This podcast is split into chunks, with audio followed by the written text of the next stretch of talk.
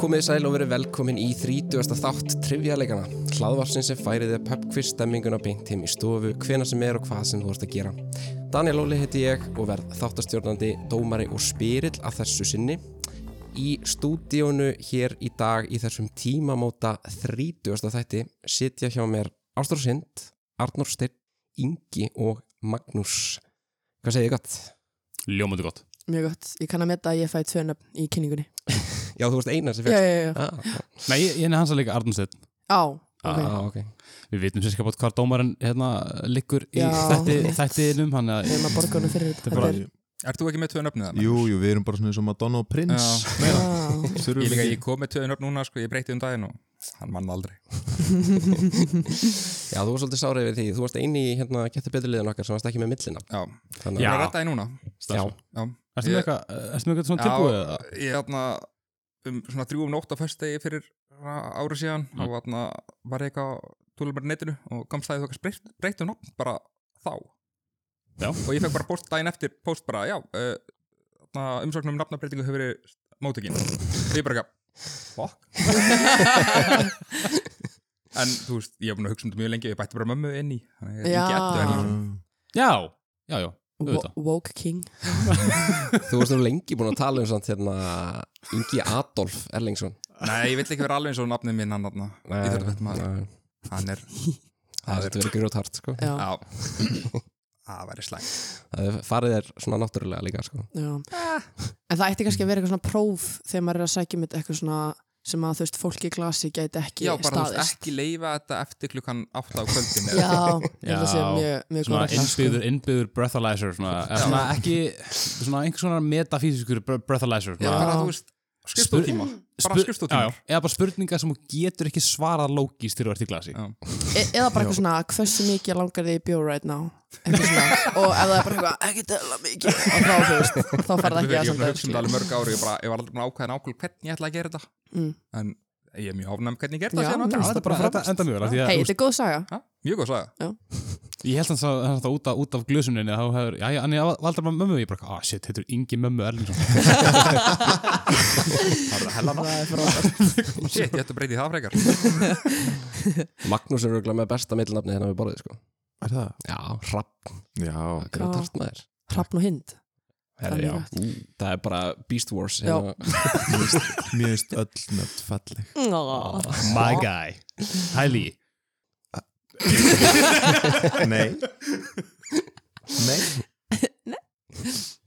Járnþrúður upp á snöfnum mitt Já, Það er aldrei gott á ég, Takk það er gott á Takk Er það, er það tilkynnið um hérna óléttu hér og nú? eða Er, er, er jarntrúður Nei, ég ætla að breyta nafninu mínu ah, shit, Það er svo létt Það er vók, það er vók Það er mjög vók Uh, Þessi þáttur er í bóði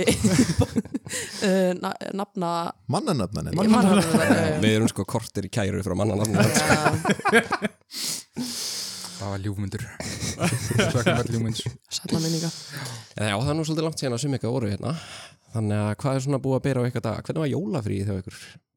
Bara mjög gott sko Ég hérna, skrifaði Berit gerði á fjórum vikum sem Já. að ég mæla ekki með Ég hérna, týndi bara stórum part að sjálfur mér í þessu ferli Það fylgir þessu Já, um, en hérna en svo sem líka alveg fínt að bara að klára þetta á stöðum tíma sko. þá Já. er þetta bara búið Best að vera búið með þetta sko Já, Samanlega, ég, ég þekki þetta með björgjarn en nú er ég orðin 28 ára, nei 29 ára gammal þannig að ég man eiginlega ekkert hvernig það var að skrifa björgjarn Mm.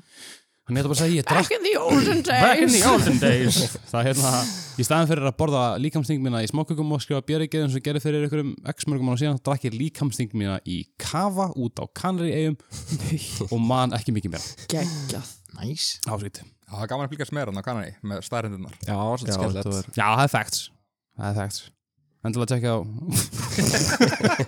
ég, held, ég, Hvað? ég held ég hafi verið ykkur hérna brýjar í hérna, síðasta kvöldi mjög fullur og hérna sett allt, sett allt í highlights Ég vil að þetta sem meitlaði stein Mittlæst eins Ég er náttúrulega, jólafrýðin var ég bara hérna eila Takk Já. þætti Já, Ég er ekki náður að það, ég er alltaf hérna tórs tvo Já, það var góða þættir Já, skemmtilegt Það var Mjög skemmtileg þáttur með Donna og Tóma Já, Það var það var góður gaman að fá svona handbóltfólk í þetta Já, annað twist sko Já, já, Ég bara um, Ger ekki neitt Það var bara Ég var bara mjög jólalegur já, fekk hins vegar ekki neitt í skoðun en ég tók því bara rólega bara reyndir að pissa og já, Krulla ég var, hár í, og kakó. ég, ég var í hindrapeysu ja, já, einu sinni, einn Já. daginn, hún er svo hlý hún er oflý, mm. ég er svo Já. heitt fengur mér finnst me- mest valid að, að gera ekki neitt í jólafríi sko. Já, samla fólk sem gerir eitthvað annað en ekki neitt í jólafríi er bara á bara bátt sko. en mér vantar þetta eitthvað, ég er ekki með neitt til að horfa á eða neitt, ég er ekki eitthvað svona mmm, ég ætla að horfa á Lord of the Rings uh, ég bara gerði ekki neitt uh, ok, Ég bara sat- starfið þær bara á vekk ég satt í sófanum, já, Já. og starði á screensaverinn sjónvarpinu Og og þú nice. heyrðir bara svona já, já, já. Hann, var ekki, hann var ekki að horfa á sjónvarpið hann var að horfa á sjónvarpið já, ég var að dosta þessari tækni uh, Magnús minn, vilt ekki? Nei! nei, nei, ég er í frí ég er í frí ég er í frí ég er í vitsmjöralegu frí já, já, já, ég er í frí eftir sjálfum mér. já, fucking hlaða batteri þannig að ég kem endur nærður hérna ég var bara ah, var bara að koma geggjað en þá er bara, er þá ekki bara komið tíma á að bomba sér í sponsorspurningarnar ég er spáði að byrja bara á Elko, og þar sem við erum nú með Elko mann við borðið, þá fær hann ekki Elko spurninguna hann ætla að leifa Yay. ykkur Ástrós og Arnór að fá Elko spurninguna ok, Elko heldur úti aðgöngum á ímsum samfélagsmiðlum þar sem fyrirtæki kynir ímsavörur og þjónustu. Elko heldur einni úti aðgangi fyrir sumar dildir innan fyrirtækisins, líkt og til dæmis Elko Gaming sem er sér aðgangur á Instagram. Hver eftirfarandi dilda Elko er einnig með sinn eigin aðgang á Instagram og þið fáið fjóra svarmöðlega. Er það A. Unaðsvörur, B. Heimilistæki, C. Hljóð og mynd eða D. Snirting og hilsa. Mm. sko skemmtilegasta svari væri náttúrulega unastöldin Samla en Ég ég, veit hef- ekki alveg hversu þú veist, hversu mikið þau gætu verið að setja á netið Samla án þess að þau eru eitthvað svona ummorð allt og eitthvað skilur Nei, menn, þú veist, Blöss er á Instagram og já, er já, að- er já, alveg en þú veist brú- brutal, sko hann ég er, held þú að veist, Elko sé samt ekki alveg með sama brandið til þess að eða skilur Ég líka, þú veist, ég er svona Þetta er svona útlókanar aðferð Þú Já. veist, mann er alltaf að followa, þú veist, Blöss alls þar Þannig að, þú veist, ef að maður er að skoða Náttúrulega. það Náttúrulega, þá náttúrulega, þú veist Myndar maður ekki fá sponsored efni frá þeim mm. emitt mm, sko, Þannig að, ok, ég myndi, ég hef ekki séð öðrunsvöru, því miður mér langar að segja hljóða mynd sko, Já, það frekar en hitt, sko já að því mér líður svo að þau gæti alveg sínt að, þú veist, innst, eða skilur það, eh, já, skilur já, emitt, já, Já, Nákvæmlega, já, nákvæmlega, já, einmitt, já, einmitt. já, já. Jú, ég segi það, ég, hérna, ég til í hljóðmynd Ég, það- ég, ég, mér líðum svo sinni líklegast ok eða skilur það, Elko hljóðmynd samfélagsmiðl Já, það er ekki rétt. Nó.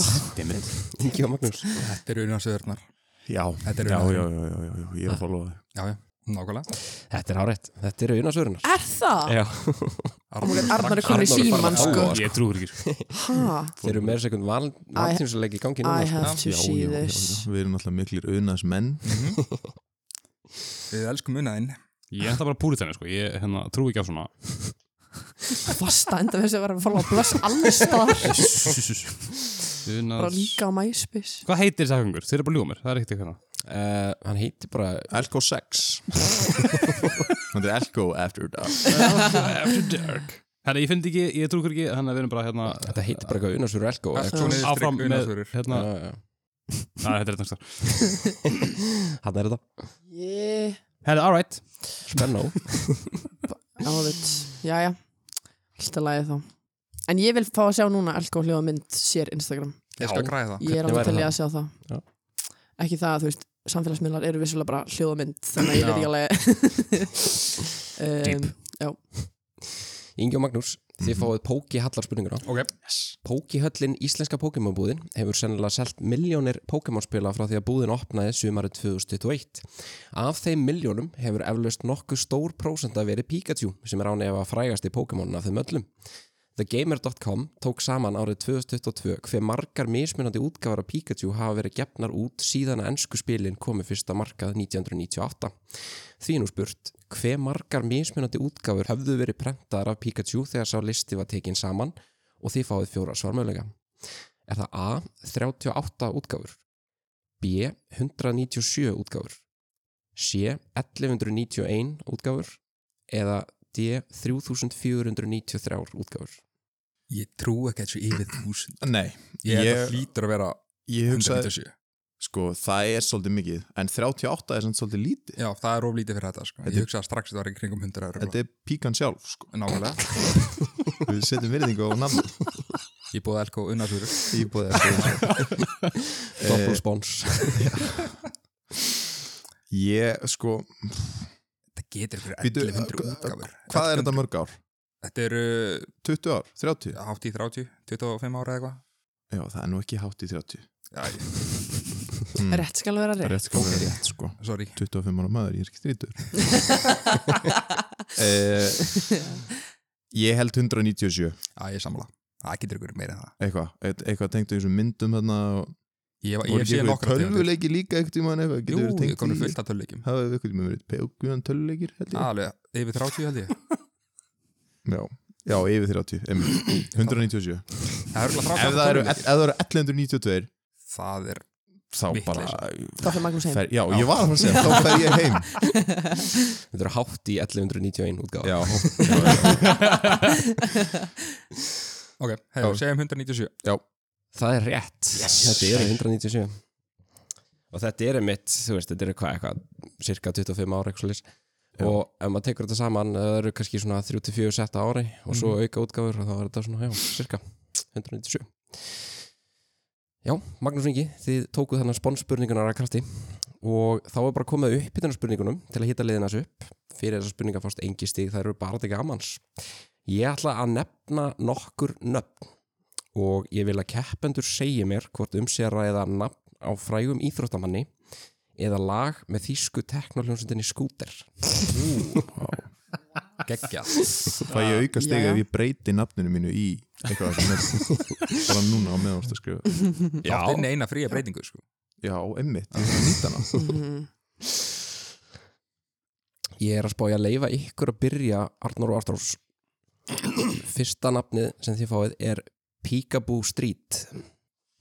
oh my god Sko, nú er ég ekki mikið inn í íþróttaheiminum eins og er hérna, frækt mál nema náttúrulega tennis Jú, jú, og hérna Mikil eh, skúter manneskja samt. eh, nei því miður, það er nefnilega það fylgdi svo sko, ég er heldur ekki í þíska teknóinu The Painted Cow. en hérna en ég á bróður sem að er uh, finnst mjög gaman að sína mér astnalega nöfn á íþróttamönnum Ok. þannig að ég er, Solid. ég er alveg að fara að trúa trúa þig hver skipti þetta sé íþróttamöður Ok. sko. ok, þú veist náttúrulega veit maður ekkert skópið á þessum íþróttum skilur, þetta gæti verið fótbolti og körbolti skilur, Já. Mm. en svo er líka húst hafnbolti, fokkin boccia skilur úst, uh, ég, ég, held Það er að svona- það ha- ég held að það tengist ekki íþróttum, ég held að sé líka bara að þetta geti verið bara út um allan heim ég er að segja út um allan heim Já, skilur, já, já, yeah, já. yeah, yeah. píkabúsri hljómar eins og úst, gæti alveg verið eitthvað nafn frá bara þú veist, einhver gæi frá Suðuríkjanum eða eitthvað. ándjóks, Já. þannig að en, Peekaboo Street Þú veist, ok, ef það er Peekaboo þú veist, já, já, já, emitt, emitt Peekaboo skilur það hérna fyrir hlustundir þá var Arnór sérst hann held hendunum fyrir augunum og svo svona opnaði hann eins og hurð Já, eins og eins og maður gerir hurð. við- eins og maður gerir við lítil börn Já, sem gefur í skina að sé enginn að staðnum en svo um leiðu hörn opnast þá sér já, uh, svo sem er hinn hlutin að leiknum Mhm. já, að það er við hlutin að staðnum og það, og það vekur oft mikla kátinu já er þetta ekki, hvað er þetta að kalla hjá börnum eitthvað svona object prominence eða eitthvað, eitthvað svona ef þú sjá ekki hlutin þá hættir hann að vera til já, þau eru heimsk já, emitt, hei þú sagði það, þú sagði það ég er bara stend og fell með þessum orðum Já, Bara já, Ég þau er eru mjög- ég heimsk er mjög glæður að hann sagði það undan mér að þegar þá held ég áfram með svona likeable já, emitt, svona emitt karakter í þa- þa- þáttunum já, Sko ok, þetta er, þetta er, ég held að þetta sé lag já ég held það Peekaboo- líka, ég held það Peekaboo líka Alright, góðan dag Peekaboo Street Já, þetta já, já, er já, lag. þetta er lag með skúta Þið segja lag með skúta. skúta Nei, þetta er íþróttakona. Hætskotin Þetta er skíðakona. er þetta skíðakona, hvers lensk er hún? Ég manna það ekki, byrja, ég skal bara fletta þið upp. Ég ætla að taka metagíska því að það eru mjög skemmtilega frá, hérna, frá Afriku, ég held að það sé afrisk Skíði, nei what? Nei, hún er ekki frá Afriku Ólimpísk skíðakona, hún er bandarísk. Pí- og er það að skrifa bara hvernig píkabú skrifað Eh, E P-I-C-A-B-O Peekaboo eitt, eitt nafn bara og svo Street er setna nafni og Street er skrifað bara eins og gatar eins og gatar hvað sagði það? hann sagði, hún er auðvitað frá Afriku hún er býtið skíðakona Já, já, Ef ekki bara að halda Tímulega það var gott þetta kom ekki Við fyrir þá til ykkar Magningi eða Magnús Ingi Magningi. Þið fáið Urban Shocker Urban Shocker Hmm. Þetta er tvö orð Já, og bara skrifað eins og orð, orðin ensku Urban og Shocker Mm, Ég fæ strax að sé lag En hann vill að við höldum það Ætli að fá Já. bónus þegar við segjum íþjörtun á landið Ef þetta er íþjörtmaður Fáðu það, Nei, þið fáið bara svona velvild það var svona kúlstig Já, Já, við fáum Nice. bónus núlstig Sko, Urban Shocker gives a pass Eða, Eða Oban Shaka já Urban Shocker gefur á Peekaboo Street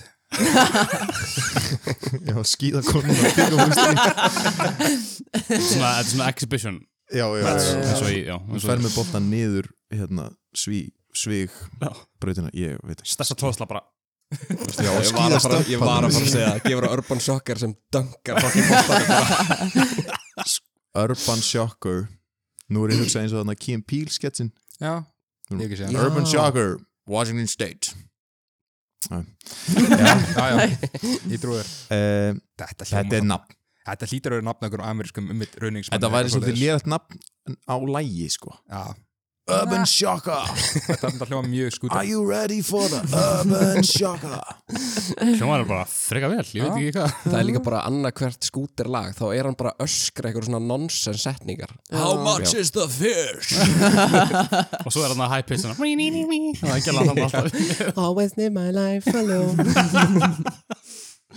Urban Checker Yeah, Já, sem er Urban Shocker Þetta er Nafn. Já, Þetta er nafn Ég treysti- Íþjörtmaður Íþjörtmaður Já. Í hvað íþjörut? Bara fyrir kúlstigin, sko Amerísku fótbolta Já, ég samla Þetta er rétt, þetta er íþróttamæður Oh my En þetta er í hafnabolta oh. Næst ég er sama Urban Shocker Ef ég vissi að ég var að keppa daginn eftir við eitthvað sem heitir Urban Shocker þá væri ég hérna skjálfandi á beinunum sko. Þetta er svo bara gefa leikin sko Ég líka sko, ég, ég á svo erfitt með mig þegar að því að þegar þú sagðir Urban Shocker og þá langar mér að segja Urban Shocker, I barely know her En já, hvað gera það ekki þannig að þú klippir þetta út Setur þetta, klippir þetta, færir þetta Já, Nei, eins og þú já, hafið sagt það. já. eins og svo Nice. geðu þetta wiki og snið það er snild, sko. það er snild Arnur Astors, þið fáið General Booty þetta er nú Þetta alveg er öruglega bara allt íþróttafólk en hljómar þess að þetta getur verið sko ég skútalag. veit að Daniel er svífirði, svífirðin sko en hann er ekki svo svífirði, svífirði sko. Ég yeah. trú- Ég trúi allir upp á hann sko. General Booty nei, það getur ekki verið manneskja það getur ekki verið Það gæti það alveg það getur ekki verið Jú, jú. sagði Það er General a- Booty og bara skrifa Það er allt til í þessum stóra heimi General Booty, ok Booty Búti mm, Jú, ef ekki að setja sér skúter Hann er eitthvað svona búin að teikna upp eitthvað svona mynd af einhverjum, Já. einhverjum svona hermanni sem að verður að dansa Þú eða veist, ég veit eitthvað. ekki hvort þið hafa séð þessi hérna, tónlistamömbund sem, hann var- sem hann var að framlega hérna, early 2000s sem voru sýnd líklega- sí- sýnd á Pop TV óvart og mörg íslensk börn sáu það, General Búri, þetta er, þetta er lag Já, það ekki þetta er lag Þið ætla að segja Scooter Það sem segja þessi Skúta. Ah, skúta Þetta er íþróttamæður Nei Skotin hafið það Hann er sem sagt uh, spilar bandarískan fókbalta og er quarterback Vá. General General Booty Booty Það er líka íþrótt þar sem að The Booty fer að njóta sín Já, andjóks Anyway Magnús og Ingi, Já. þið fáið Endless Summer Endless Summer Það hljómar allt eins og lögum með hann Þetta hljóma svolítið mikið eins og lag Já. sem lætur mig hugsa að þetta sé nafn Já, það er nákvæmlega saman einhversu nátur Ég þekki Daniel Endless Summer er eitthvað svona Þetta er, þetta er ungveskur sundknallegsmaður ég held að þetta sé bara einhver, einhver kanni sko. Já, það hefur verið bara einhver ó, ammali, þú veist einhvern tímann í júni eða eitthvað þetta er Sonu Donner Summer já og hann er hérna, einhver varamaður í Hann, hann, Einhverju er, hann, er, lélegir í- íþrótt. hann hann er er í Ísokki ísóki Markmaður í Ísokki sem var í endless, kjörtinu miklu endless Summer jú, ég held sína Já, Þetta er íþjóðmaður Þið segja íþróttamæður Já. Þetta er Scooter Ah. hans Þetta er af plötunni 20 Years of Hardcore Þá fyrir við í síðasta ykkar Arnur Ástrós Þið fáið Greatest Beats Hvað Greatest greatest beats Ah. Þú veist, má heita lýsingar orðið í efstastíi já, Greatest Pældi líka uh, þrjú börn og það er great, Já, Greater nákvæmlega, Greatest emmi hvað var þetta hérna hérna Greatest Beats Greatest Þetta er svo erfitt af því að það er, það er ekkert eitthvað svona já þar, veist, þetta- þetta er bókstala bara Þetta er flip a 50-50. coin, þetta er bara flip a coin sko. Þannig að þú veist, segjum bara skúrur, þetta er skútirlag skúta Þetta er að segja skúta The greatest beats Þetta er skúter Nice. Oh, shit. Þetta er af plötunni Push the Beat for this Jam The Second Chapter sko, Hver er fyrsti kaflin? í alvörunni, ég held að maðurinn kunni ekkert ennsku og Hann notar er bara, svo- hann nota bara Google Translate Þeir eru svo góður að push the beat for the jam Það er sem þeir gera best þú er svo góður í það, bara ekki annar kafli Þetta er bara Sama. The, the War of Scooter Fyrst er bara push the beat even more to the Já. jam það ætti eiginlega allar plötur að heita bara svona lýsa innihaldinu svona vel Andjóks bara plata sem heiti bara eitthvað svona En pæltu að hlusta á plötuna, það er bara það, úst, the, the beat wasn't pushed to the jam Ég er bara fyrir, ég var bara fyrir miklu vonbröð þeir eru lugu að mér Þetta er bara sölu svindl Þú lest þetta af plötuumslæðinu false advertising Þá er komið að síðastu uppbytunni Ingi og Magnús Þið fáið Catfish Hunter Wow Þetta getur verið suðuríkja maður sko Já, þetta er 100% sér ekki maður Skilur höfuð á aðeinsinum Já, og hann geti NBA þessi Þetta er Já, kvörubaltamaður Catfish Methuselah Hunter junior Frá Mississippi Skúter veit ekki hvað kattfissi er sko Nei. Eða, ba- Sko, Baxter veit ekki Skúter er náttúrulega hljómsveitin Baxter er Já, ok frontmannin Það er alveg með, þú veist hvað hann hei Úf Þess vegna eru þeir að rústa þessu Magnús þekkir þetta allt sko. Er þetta er þetta íþjóttum maður? Ég veit alveg hvort þetta er. Ég veit að, já, ég er með þetta Push the beat to the max Chapter 4 Nei, Ég er þetta með Kann- aðtjóðsend Þetta var ekki second chapter fyrir hann var remixu 2011 Það eru, já eh, Catfish Hunter Þetta er nafn Þetta er nafn 100% já. Þeir veit ekki hvað Þetta er, Catfish þetta er er, sko þetta er kvörubaltamaður Já, eh, en samt spyrja þér undan Já. How much is the fish?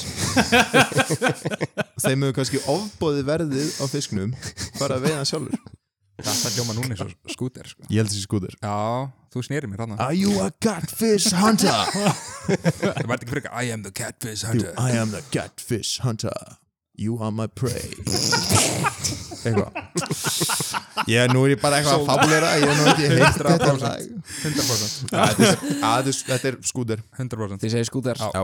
Þetta er íþróttamæður Þið töluðu ykkur ofan að rétta svarinu hana Já, Þetta er hafnaboltamæður þar er nöfnir Það er svo Það bóri er íþjóttur íþrótt sko. Hefniböldi Hvað var þeim skemmtir í íþjóttum það skiljur eitthvað svona Hvað var það um sungnalleikin? Ég var að búa stuð, þú veist, eins og hérna, hérna Marvelous Nakamba eða eitthvað svoleiðis, eitthvað svona nöfn sem maður svona gæti mögulega þekkt. Já, þá væri þetta á vöðvel Ég man eftir hafa verið ykkur þarna að taka viðtal ykkur bresku gæi við konur sem hétt eitthvað Fanny og eitthvað S- smell eitthvað hann Fanny Schmella Fanny Smella. Fanny Smella. Sjúklega fyrir Ég var að búist til því nafni hérna sko Það, vinkona Það er svo með mér sem heitir Fanny þólir, þólir ekki að fara til Bretland nei, það ég, er alltaf bara á flugutinu vel. bara Fanny Herru, Magnús og Ingi, þið bara rústuðu uppbytunni það, var það? Já, engin stið fyrir það, sko. láti ekki svona 3-1 með sko spánspurningunum líka Já, fengur já, þið já, þið ekki þrjú og við eitt Nei, Fengur ykkur bara Jó, Ah. við Ingi, erst þú með inn herfinguna? Við finnum við það ekki? ógjöðslega mikið að stöðum Já, ok. þið fengur náttúrulega rétt fyrir báðar spánspurningunar Já, Já. og svo eitt í uppbytunni Ah. Þannig að þið náðu þreymur hérna total sem þýðir að þið fáið að byrja í flokkspurningum Oh shit Flokkarspurningarnar eru átján talsins, liðin skiptast á að velja flokk og svara spurningum úr þeim flokk. Fyrir rétt svar fást áttasti, en liði geta líka fengið að heyra fjóra svarmöðuleika. En ef þau gera það, þá fá þau bara helmingin á stegunum eða fjögur steg fyrir hvert rétt svar. Ef liðið svara vittlust, fær hitt liðið svo sjans á að svara og getur þá fengið fjögur steg fyrir. En hvaða flokk má bjóða ykkur, Magnús Ungi? Nú uh, erum við búin að pæla mikið í skúter Já. Þannig að við ætlum að halda og fara í bara tónlistina Já, fá fleiri skútarspilningar Já, jafnvel kannski bassöndir Ú, Ó, enda betra Ég var ekki Hvernig mótið væri því það? Bábum í tónlist Lægið Fly Me to the Moon sem var upprunnilega titlað In Other Words var samið af tónskáldinu Bart Howard árið 1954. Frægasta útgáfa lagsins er þá sennilega svo útgáfa sem kom út árið 1964 í flutningi Frank Sinatra. En svo útgáfa var setna meir mjög nátengt Apollo áallun geimferðarstofnunar bandarækjana eða NASA. Lægið var spilað á Sony TC50 vasadisko um borðið í Apollo 10 gemferinni sem ringaði tunglið sem og í Apollo 11 gemferinni rétt áður en maðurinn stegi í fyrsta skinn í fyrsta sinn fæti á tunglið. Þótt lægið hafi verið leikið við tunglið, þá er þó einni minnst á tvær aðra reikistjörnur sólkerfisins í læginu og því ekki ómögulegt að lægið verði einn daginn leikið í návist þeirra að tveggja. Hvaða tvær reikistjörnar eru þetta sem eru nefndar í læginu Fly Me to the Moon? Jupiter and Mars Til í það Það er bara harrið, þetta er Júpiter og Mars Takk og þannig fáið það áttastig. Ég þekki Ég var að mér mann spila Fallout New Vegas um, bara um daginn sko Ég var svona að flæða mig í dúðum Ég man, ekki, ég man bara Jupiter and Mars Næðunum var alveg merkilega vel ég var- Mm. var að segja. Hann er bara með okkur inn í herbygginu Já, hann er meðalvor All Blue Eyes. Já, það er ég Ég er young, ég er young blue eyes Ég, hérna, ég var ekkert um að með í tölvunum minni, ég hefði vist að hérna, mynda á Sinatra fyrir einhverja hérna, æfingakeppni í getur betur eða eitthvað og ég, skri, ég nefndi myndina All Blue Eyes þannig að þú veist, alltaf því ég ítt á vindhúsmerki og skrifaði Blue til að fá Bluetooth þá opnaði alltaf myndina á Sinatra Ekki aftur Frank ég gerði ekkert í því, í svona þrjú ár var ég bara pirraður á þessu En þú, en kannski líka elskar það líka smá Já, var alveg lúmst gaman sko, annarlega og myndalegu maður Já, og, segða með þér Þannig að staðan 8-0, Ástrós og Arnór, hvað viljið þið? mm, Sko, mér er svolítið fyndið að nú erum við búin að merkja við svona það sem að við erum til í að taka Mhm, og ég gleymi alltaf að við erum við viljum taka sömu flokkana Já, Þannig að, einmitt, sko. þú veist, hver allar að sjá um hinn skilur, Þetta, þetta, þetta en það kemur allt Ah, í ljós það kemur allt í ljós allir ljós klarar ekki að um, Þú mátt bara byrja Ekki bara taka kveikmyndir Jú, Fáum okkur smá stygg tök, tökum það af þeim Takk. Heldur mig kvikmyndir Þetta er fyrir þig, Engi Í sennilega einni allra verstur senu alls stjörnustrís forleiksins segir Anakin Skywalker við Padme við Padme að hann hati sand. Atriðið er nánar tiltekið fyrir miðri annari kvikmynd forleiksins eða Attack of the Clones. Til að styðja þessa skoðun sína telur hann upp fjórar ástæður þess hver heitt hann hatar sand. Nefnið allavega tvær þeirra. It's coarse, irritating and it gets, gets everywhere Þetta er hár rétt Sko- Ástæðunar eru sérst it's, it's coarse, it's rough and irritating and it gets everywhere Sko ég hef ekki, ekki séð myndina en ég hef séð þetta atriði ansi oft Það er brent inn í DNA á fólki, internetinu sko. Ég hef séð sand Já, ég líka Já, Þannig að þið hefðu mögulega getað svarað þessu bara menta gisk Já, bara hugsa- Ég er um- alveg sammála honum. Hvað- Já sko. Rúfur, svolítið pirrandi Treyðið sér út um allt já. Estum allt Ó, skilur við. ég fer ekki á strendina því að sandurinn er svo hrjúfur En málið er samt að þetta er ókslega valið hjá honum en kannski bara ekki að skrifa þetta inn í bíómynd um geimstríð Nei, líka, þú veist, þetta getur svona þú veist, emotional bonding tími Já, fyrir þau einmitt, tvö já. og hann er bara eitthvað, ég hata sand Já, Já, það er best að vita líka úst, það sem hún segir á undan sko. hún er bara með svona að svona að þetta er svo gaman er svona, að svona, að því hún er það þekkja bara eitthvað lush greenery hún bara að sandur þetta er svona, svona eðimörkin gegn svona drömkjönd hann er bara eitthvað I hate sand og hún bara eitthvað ég ætla að fatta fyrir þér Þannig að staðan 8-8, Ingi og Magnús Herru, við ætlum að taka smá blottvist og fara í sjómar Ú, Magnús er nú búin að horfa svo Ég- mikið á það Já, hann ætti að segðu þekki það Stum. Hvar fækst þetta fallega sjómar? Var það í Elko? Eh, Já Nei, ég er Stalin uppáhalds auðlýsingi mín er You wouldn't download a house You wouldn't download a car You wouldn't shoot a policeman steal his hat go to the toilet in it and return it to his hérna, grieving widow and then steal it again það er enginn annar að segja ættikrátt sér átt uh, Nei, Nei, nei. horfaði ættikrátt ég var að tala um hann að þegar maður horfði á DFD þegar maður var lítið og þá kom hann að Já, hann já. að dun dun Já. dun dun dun dun like, You wouldn't download a house þetta var svo fucking pirrandi Þú veist, ég var líka manneskja sem kifti diskana Já, og mér var alltaf refsað fyrir Já. það með einhverjum ógísla löngu leiðilegum leiðilegum ölsingu Já. að þú myndir ekki ræna bíl og ég bara víst að því, eftir þetta þá já að því fólki sem downloadaði þetta um ólöglega slappið þetta Nákvæmlega, þess vegna gerði ég það fuckers Herru, hendum í sjónvarp Magnús getur sagt okkur allt um sjónvarp bara ekkert sem er spilað í því Nei Tom Hanks og Steven Spielberg komu saman til að gera stórvirkið Band of Brothers árið 2001 sem fjallaði um Herman Easy Company í 101. fallífa fylki bandarækjamanna í setni heimstyrjöldinni. Vinsældir og verðlaun Band of Brothers leti til þess að nýju árum setna var gerð sýstur þáttaröð sem fjallar um atbyrði orustunar um Kirrahafið á tímum setni heimstyrjaldarinnar og fylgir eftir fyrsta landgöngu liðafylki í barndögun sínum við Japani viðsvegar um Kirrahafið. Hvaða Kirrahafs-serja er þetta sem fylgdi Band of Brothers? Ekki grænan What the hell Sko, ég held sé eða eitthvað, Er of snemmt að Iwo- Iwo Jima eigum við ekki bara, Er of snemmt að taka heifulskapin nei, nei, nei, nei. Ok. í þessu, ég, nei, nei Við tökum fjóra Ég held að taka fjóra. Já. Það er A. The Pacific B. Rising Sun C.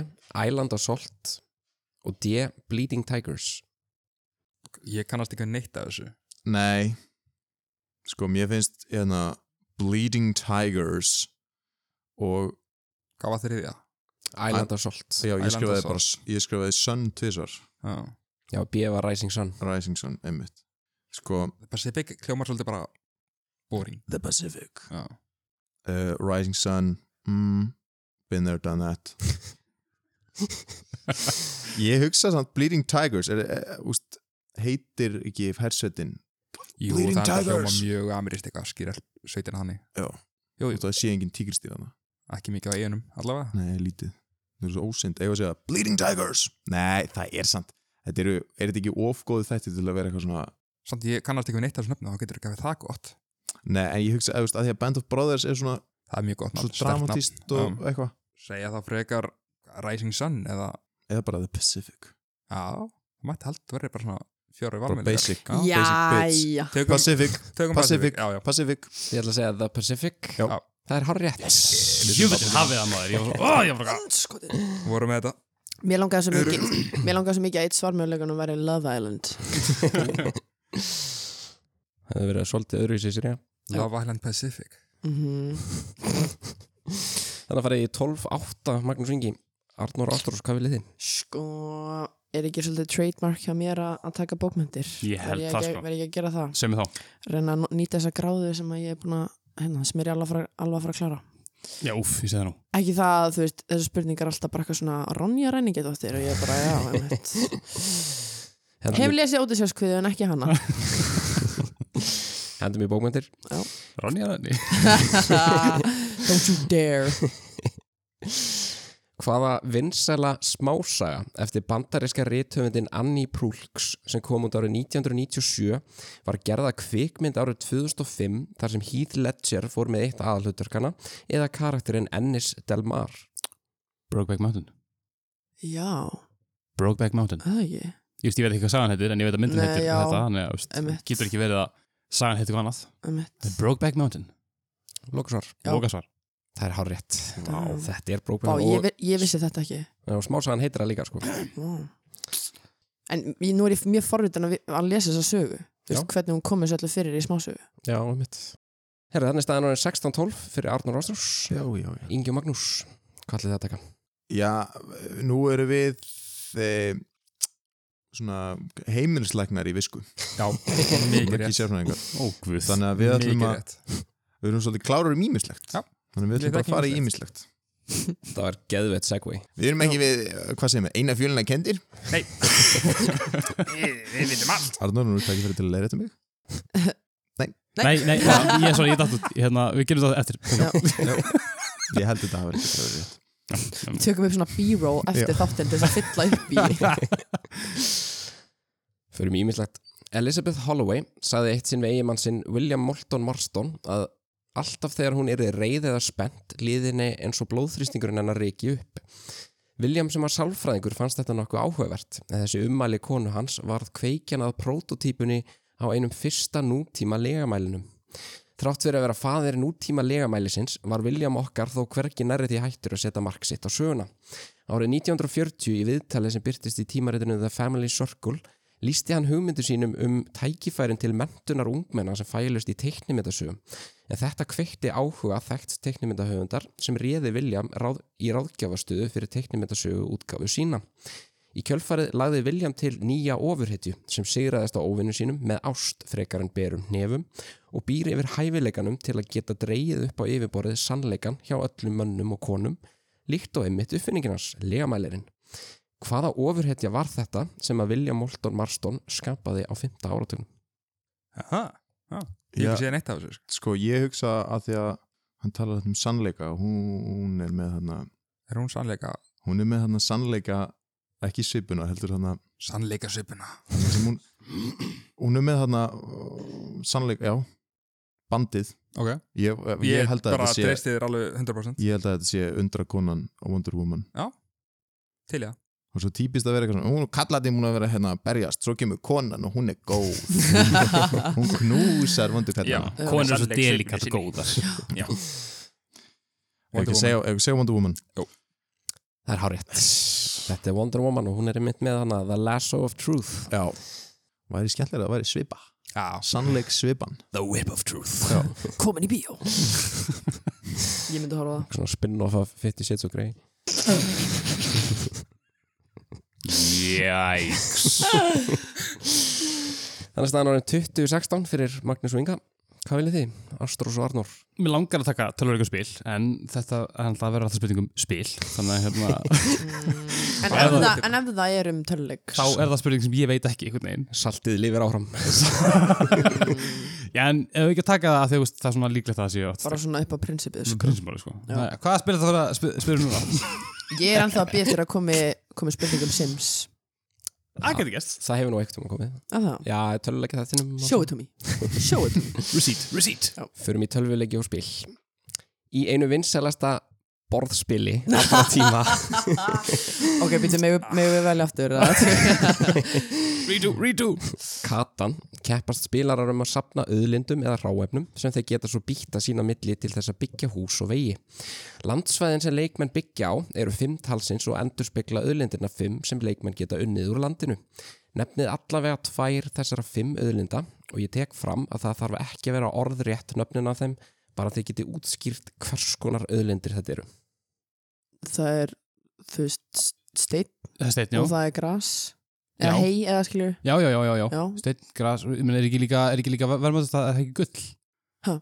Nei, ok, við skulum ekki segja úst, en, jú, það er bara 100% það sko Það er steinn og eh, það er gras, jú Skást ekki hei Og þú veist, svo er líka eitthvað svona eins og leir Þú veist, svona eins og Já, já, já, já, þannig ok Já, já, eh, segjum, við segjum bara Þetta er bara, já, Já, steinn, steinn, gras Þið fáið rétt fyrir. nice Þetta eru sem sagt timbur, ull, korn eða hei, malmgríti og steinn eða múrsteinn. Já. Eða svona klei eitthvað. Já, já, já Og Nice. þetta eru áttastig. Ég skal um kind ekki öll sko Þannig að farið í 24-20 Arnrós. Arnrós. Hvað viljið þið, Magnús og Ingi? Takk að það Mm, eða, Jú, eða ekki jú, jú Kanski spurt um, um, hérna, hvað heit hann, Urban Shocks eða eitthvað svoleiðis já, Urban Shocker Já, Urban Shocker ég voru að múna þessi spurt um General Booty við ætlum að taka íþróttir Íþróttir. Peekaboo Street Peekaboo Street. Fjölmennasta þjóðin til þess að keppa á olimpíuleikum en hafa aldrei unnið til verðluna er áttunda fjölmennasta þjóð heims. Þjóðin hefur tekið þátt á hverjum olimpíuleikum allt frá árinu 1984 en þrátt fyrir það ekki unnið stakt gull, silfur, nýja brons.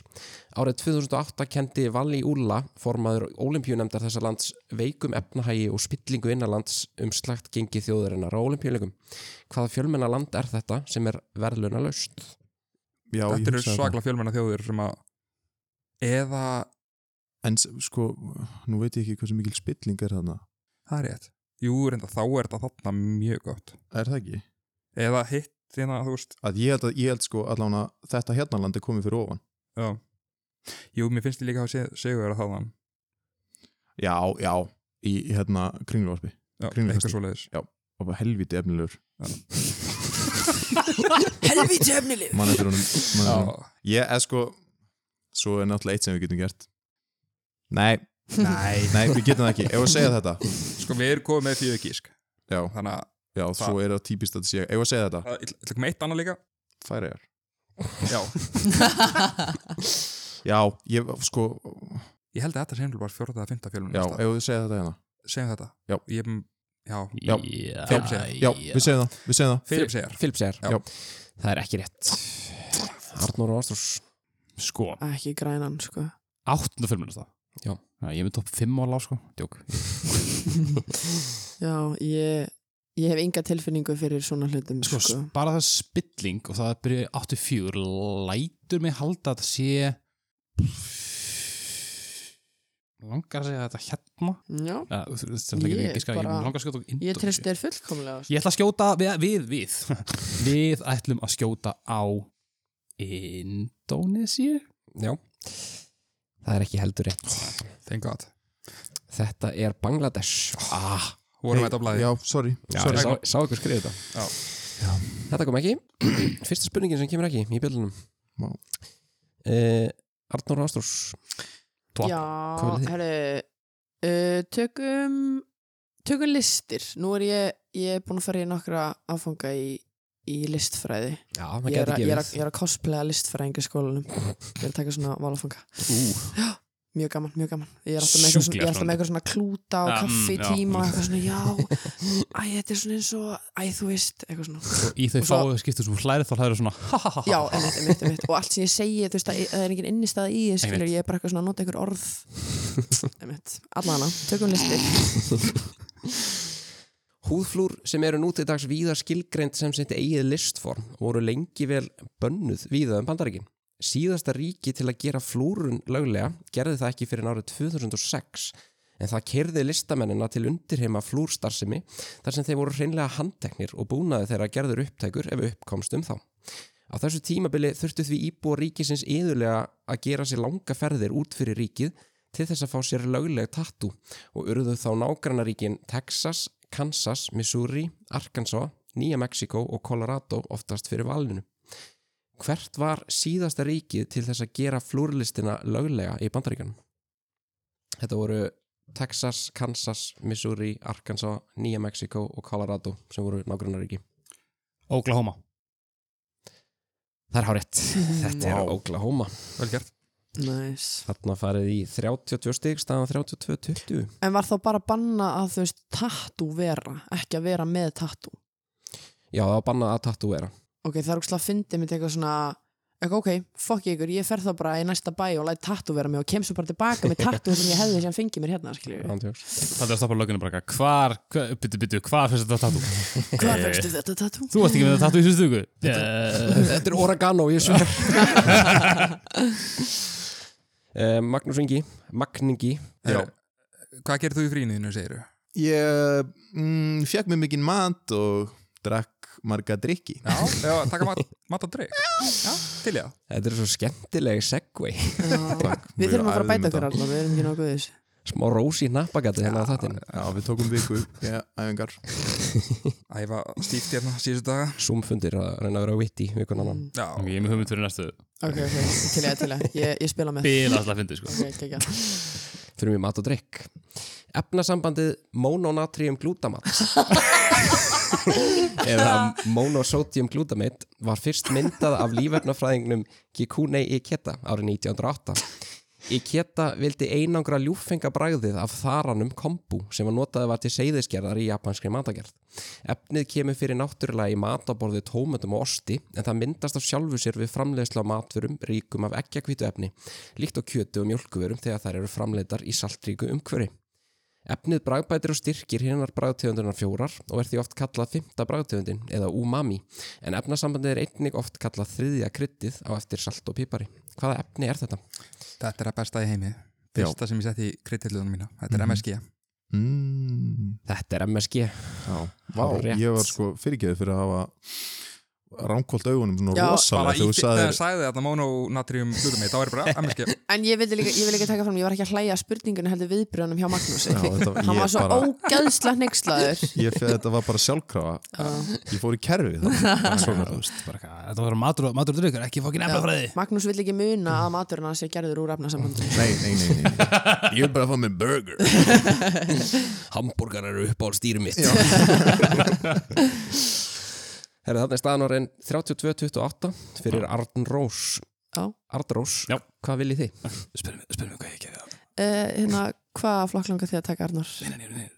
Spyrum mig hvað ég gerði á jólafyririnu Já, hérna, byrju Arnur, hvað gerir þú eftir í jólafriðinniðinu? Herri, ég var erlendis Ó, Wow í, hérna, á eigaklasa nokkrum Ömmitt, og þessum ætlum við að taka Erlenda landafræði Hey, wow, likeable characters Hey. ha, Likeable characters Já, vísindi það er líka svo gott að trýta þetta svona eins og að það séu áhörandur í sal sem er að kjósa hver vinnu skilju, þú veist, þetta er bara podcast það skiptir yngum alveg að fólki finnst um okkur Það er bara eitthvað píin á þetta skilur uh, Já, já, já. Mér finnst það skipta svo miklu máli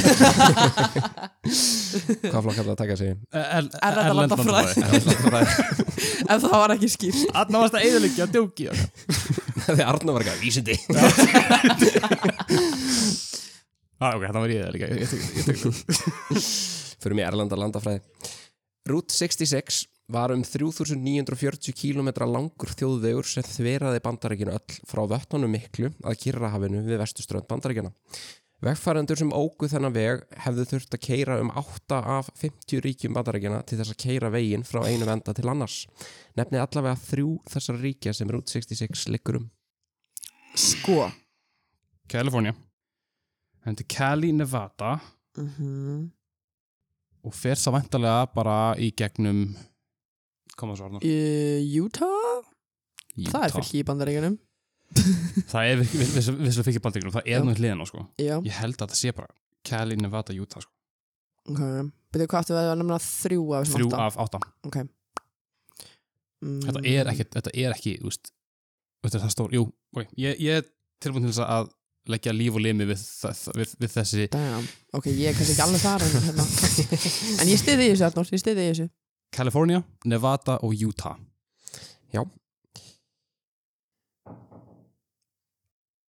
Hvað var þetta? Komið Það var þarna, dett þarna kom botnin í tunnun Það var múrst þetta dett úr raskatunum Sökum stress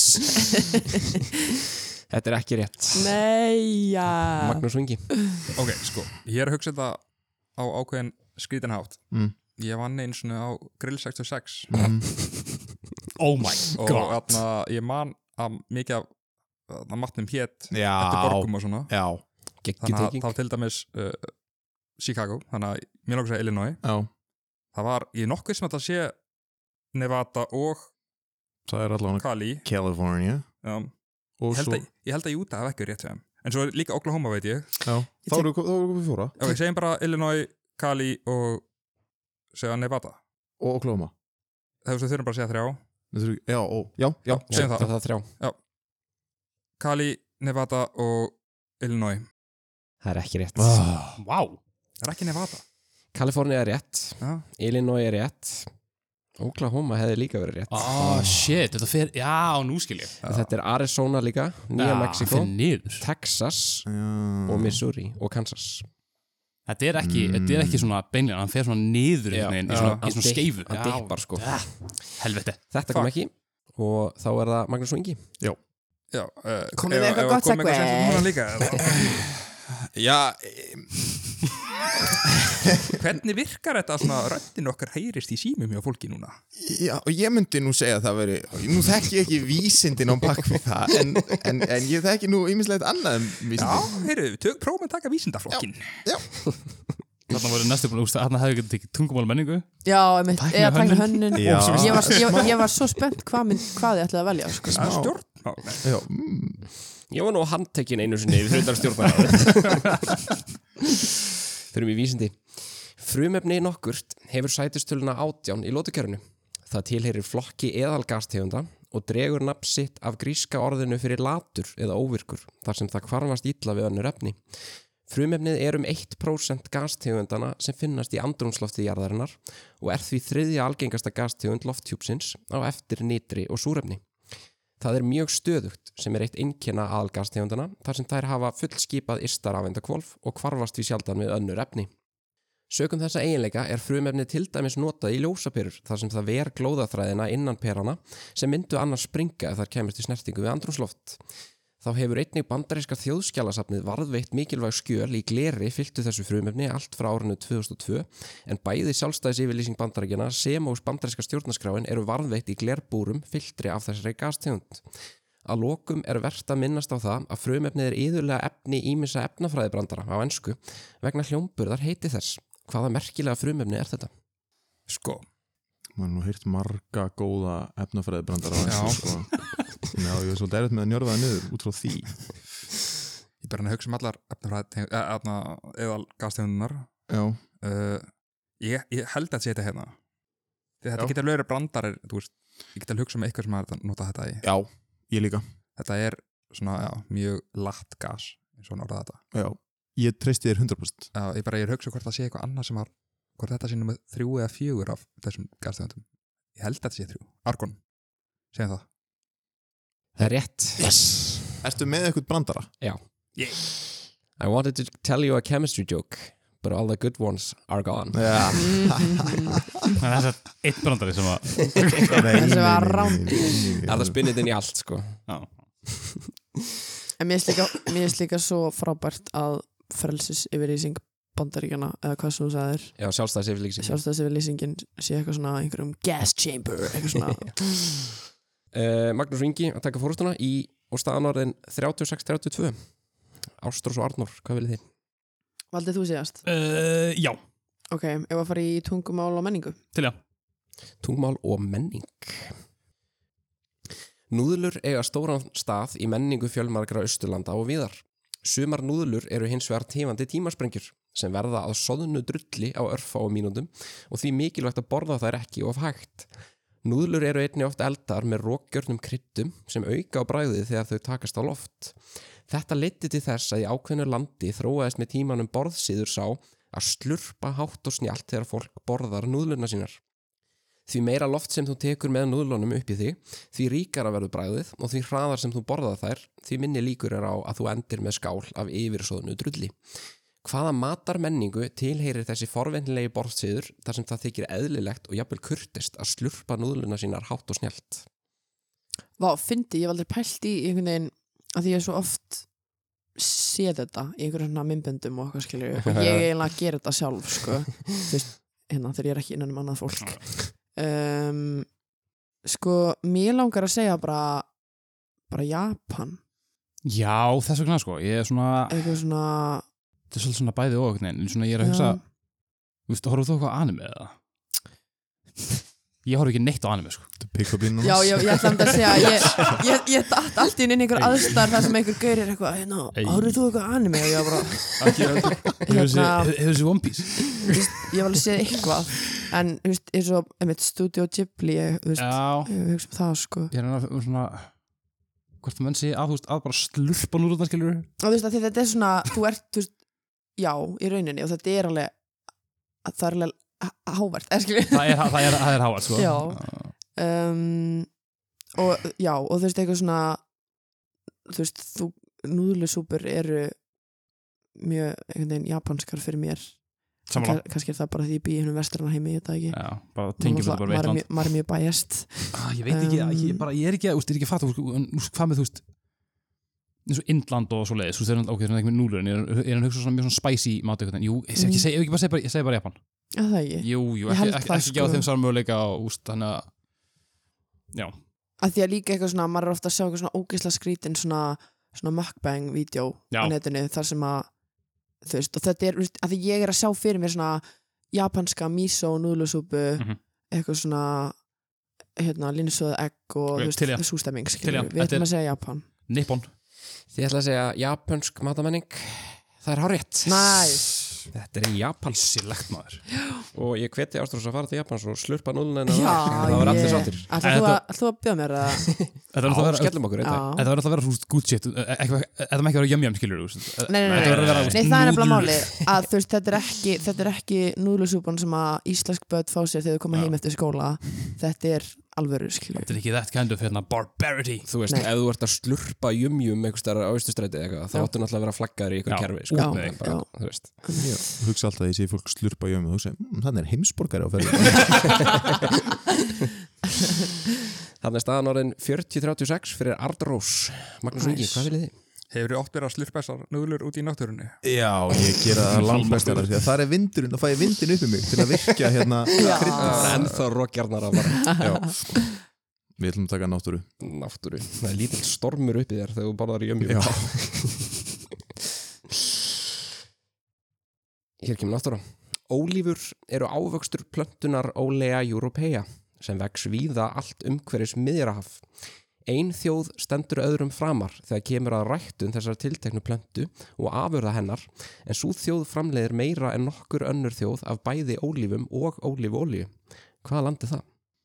Sko, maður náttúrulega vil svolítið hugsa Ítalja Nú ætla ég að ég var okkur að hætta þessum laumu skrifum Já. Ég, sko, maður hugsa svolítið Ítalja en ég hef- hugsa að þetta sé Ég held En- nefnilega eða næsti nágrannin til austur Já Það gæti verið sennilegt líka Það er Hann aðeins, framleiðir heldur mikið það af er öllu. ekki alveg eins augljóst Nei, Ef að segja það, að ég held að þetta hvað sem er eiga eftir, allt eftir að vera þessi lönd í topp ég, Fjórum. nei, ég vil frekar segja þetta Já, jú, ef að segja það Segja það, segjum Greikland Já, Þið segir Greikland? Já.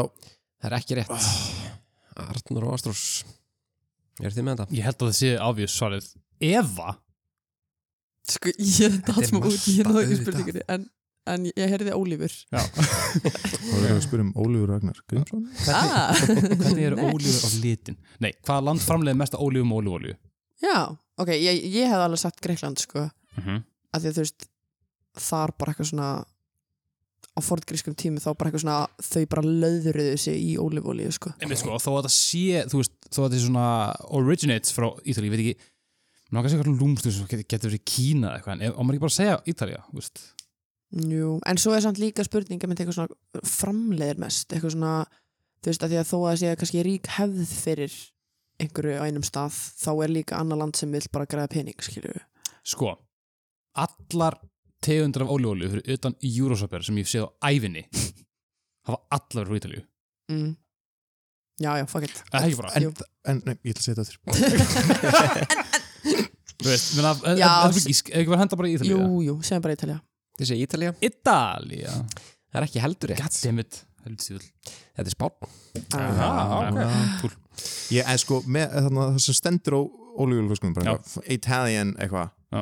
það stendur ofta eitthvað svona imported from Italy það ge- má vera bara frá Tyrklandi eða eitthvað Já, það vissulega, stoppar vissulega, stoppar vissulega. gámurum bara í Já. Ítalíu Já, Pressað og í þá geta Ítalíu þau sagt það Já, en Raktaðar í En, en, en Annars ég meðlum líka bara, þú veist, nöfnin, þú veist Já, og, en líka bara eins og með bara eitthvað svona eitthvað svona Icelandic skyr en það er svona framleitt Já, bara já. í fucking Og þú eru dans- Glasgow Það eða er eitthvað danskri mjólk skilur. Já, En rauðin er sem sagt Spán, svo Greikland, svo Ítalja, svo Tyrkland og svo Marakon. já. Ástrós og Arnur, hvað má bjóða ykkur? uh, hm. Tekno hönnun Tegna hörun uh, Einu sinni var ég með síma en, Nú komum svo gott segvei fyrir það Þú þú mátt segja það, þú mátt segja það Ég ætlaði bara að tala eins og vélmenni David, á, nú er ég svo leið að við veldum þetta Stefni tók það frá Við erum- við erum, við erum likeable characters Við erum likeable Já, characters Tæknu hönnun. Nafn austuríska salgætisins pes er stytting á þíska orðinu yfir pípamyntu eða peppermint. Salgætið var fyrst sett að marka árið 1927 við góðar undirtæktir víða en í kjölfar setni heimstereldarinnar hæðist mikið á sölu og vinsældum salgætisins.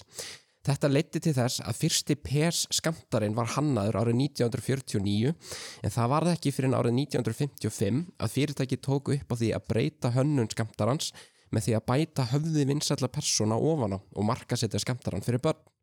Úr varð hinn gríðar vinsæli peskall sem allir ættu að kannast við. Stjáni Blái var fyrsta personan til að vera sett á peskamtara en síðan þá er erfitt að finna vinsæla personu sem hefur ekki ratað einhver tíman á peskamtara. Nú er því spurt, hvaða vinsæla persona er það sem er mest seldi peskall allra tíma? Sko, first instinct, Mickey Mouse Samt Er mikið að Disney karakterum á svona, á svona gæðum eða? Já, já, já Ok.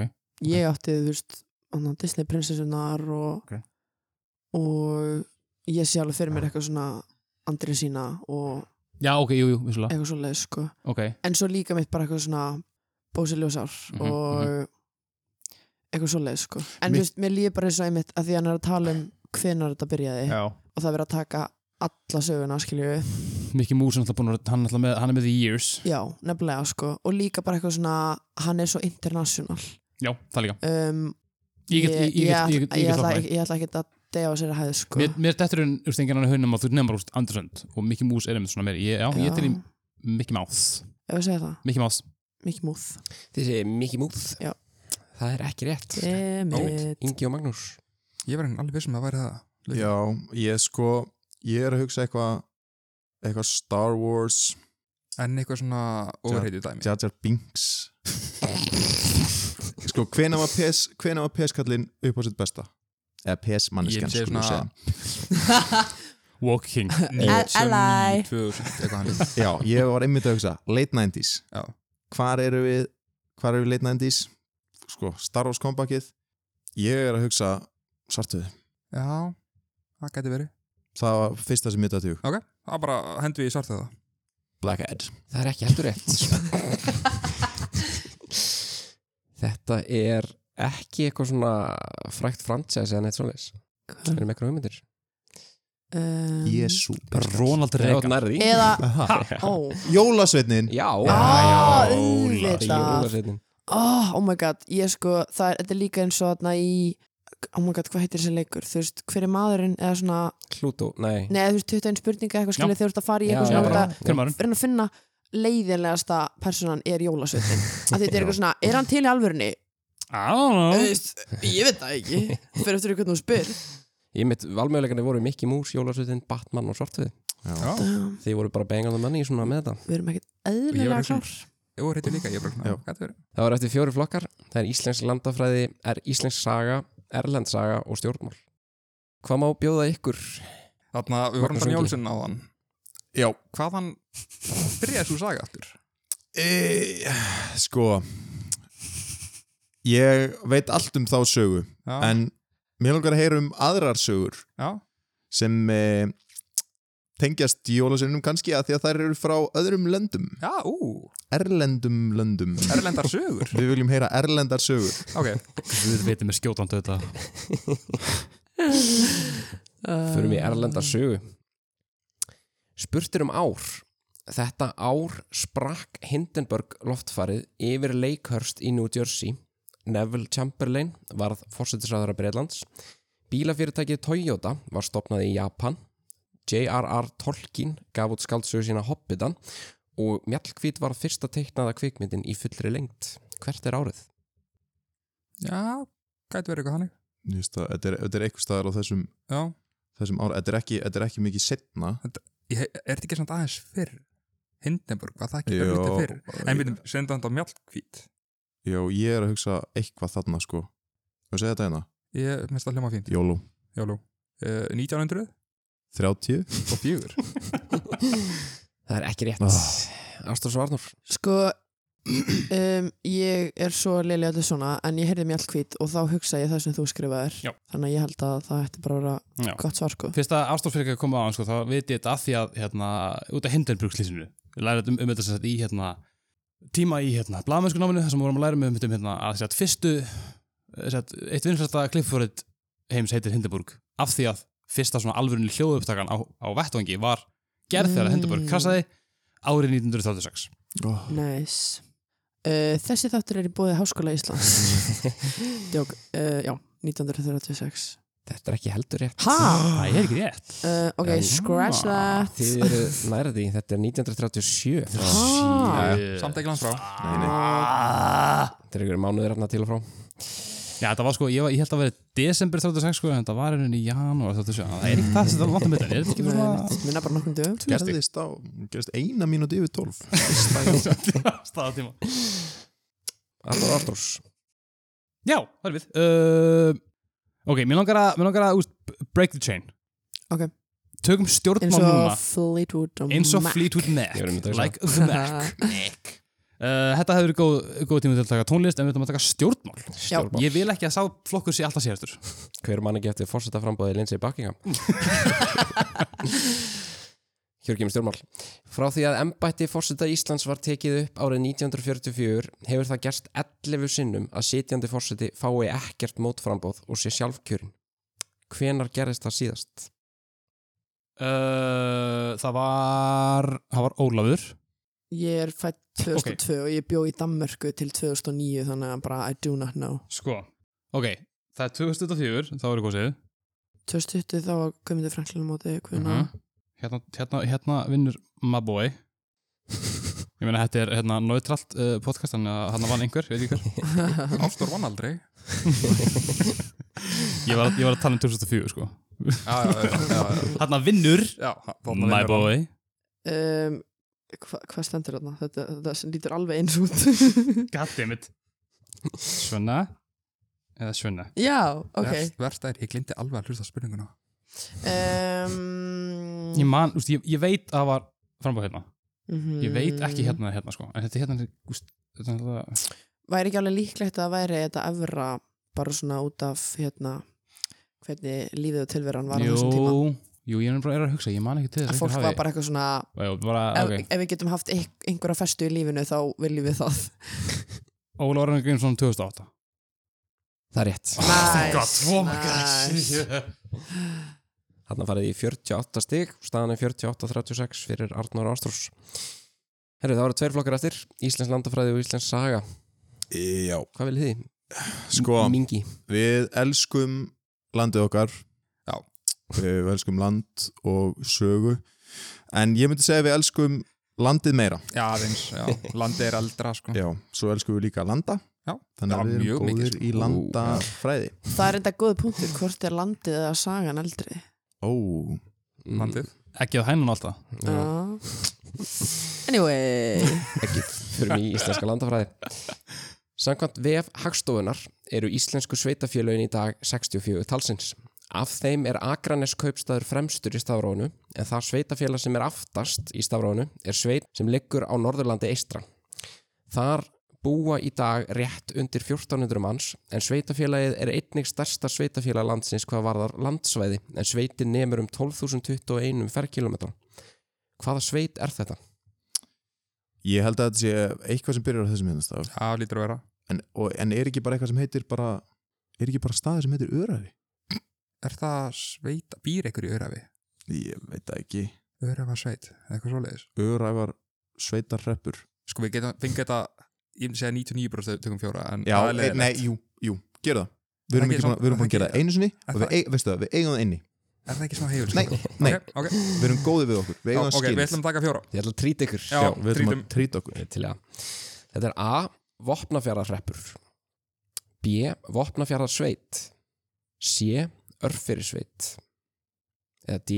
Þingersveit Hvað sær að sé var í? Örfjöfumsveit Hörfinni sveit Örfyrirsveit Aldrei heyrðum það mm, og, það sé- Þingeyjar. og það sé stæst sko upp á Flatamál flatamál Já, en það er samt, það er aftast í stærfanum Já, en Nei. 1400 manns þar Það er helvítið mikið Ég, ég var búin að heyra um þetta ef það var 1400 manns Já.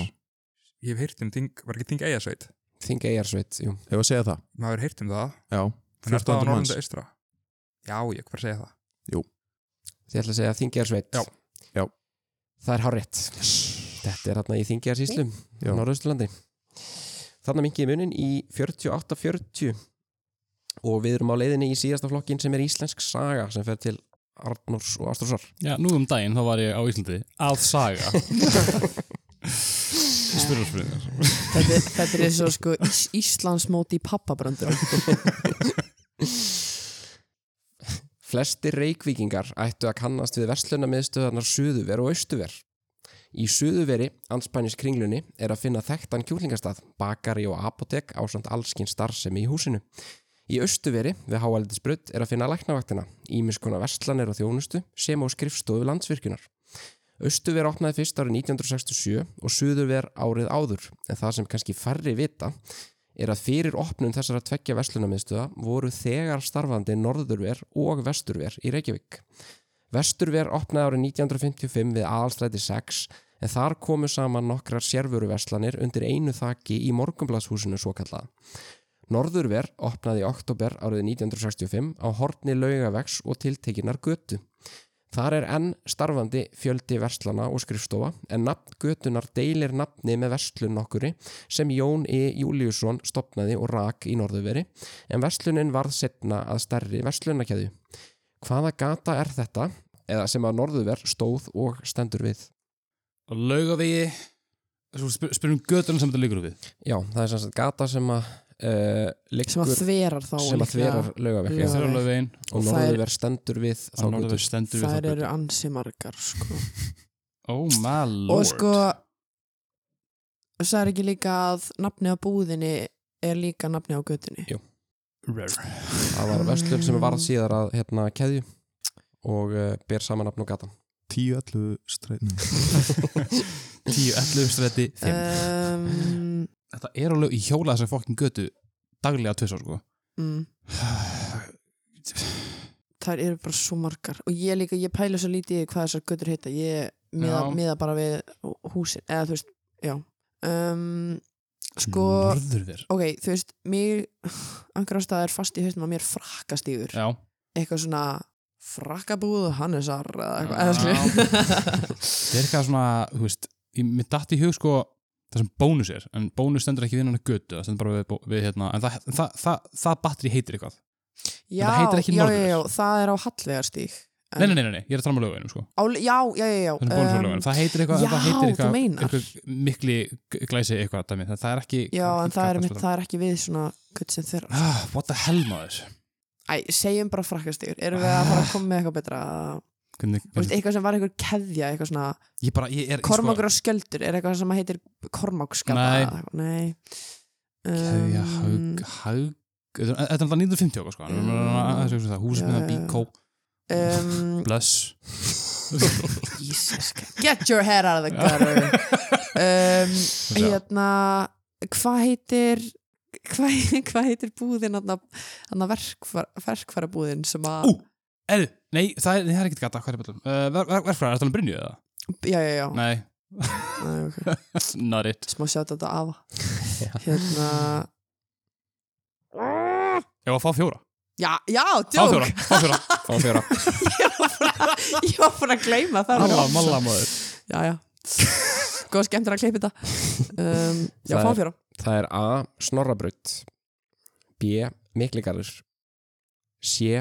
Vitastígur og D. Nóatún Nóatún, Það jú, þetta er Nóatún Það er gata sem heitir Nóatún. Já, nema þetta sé snorrabröð En hvaða keðja er snorri?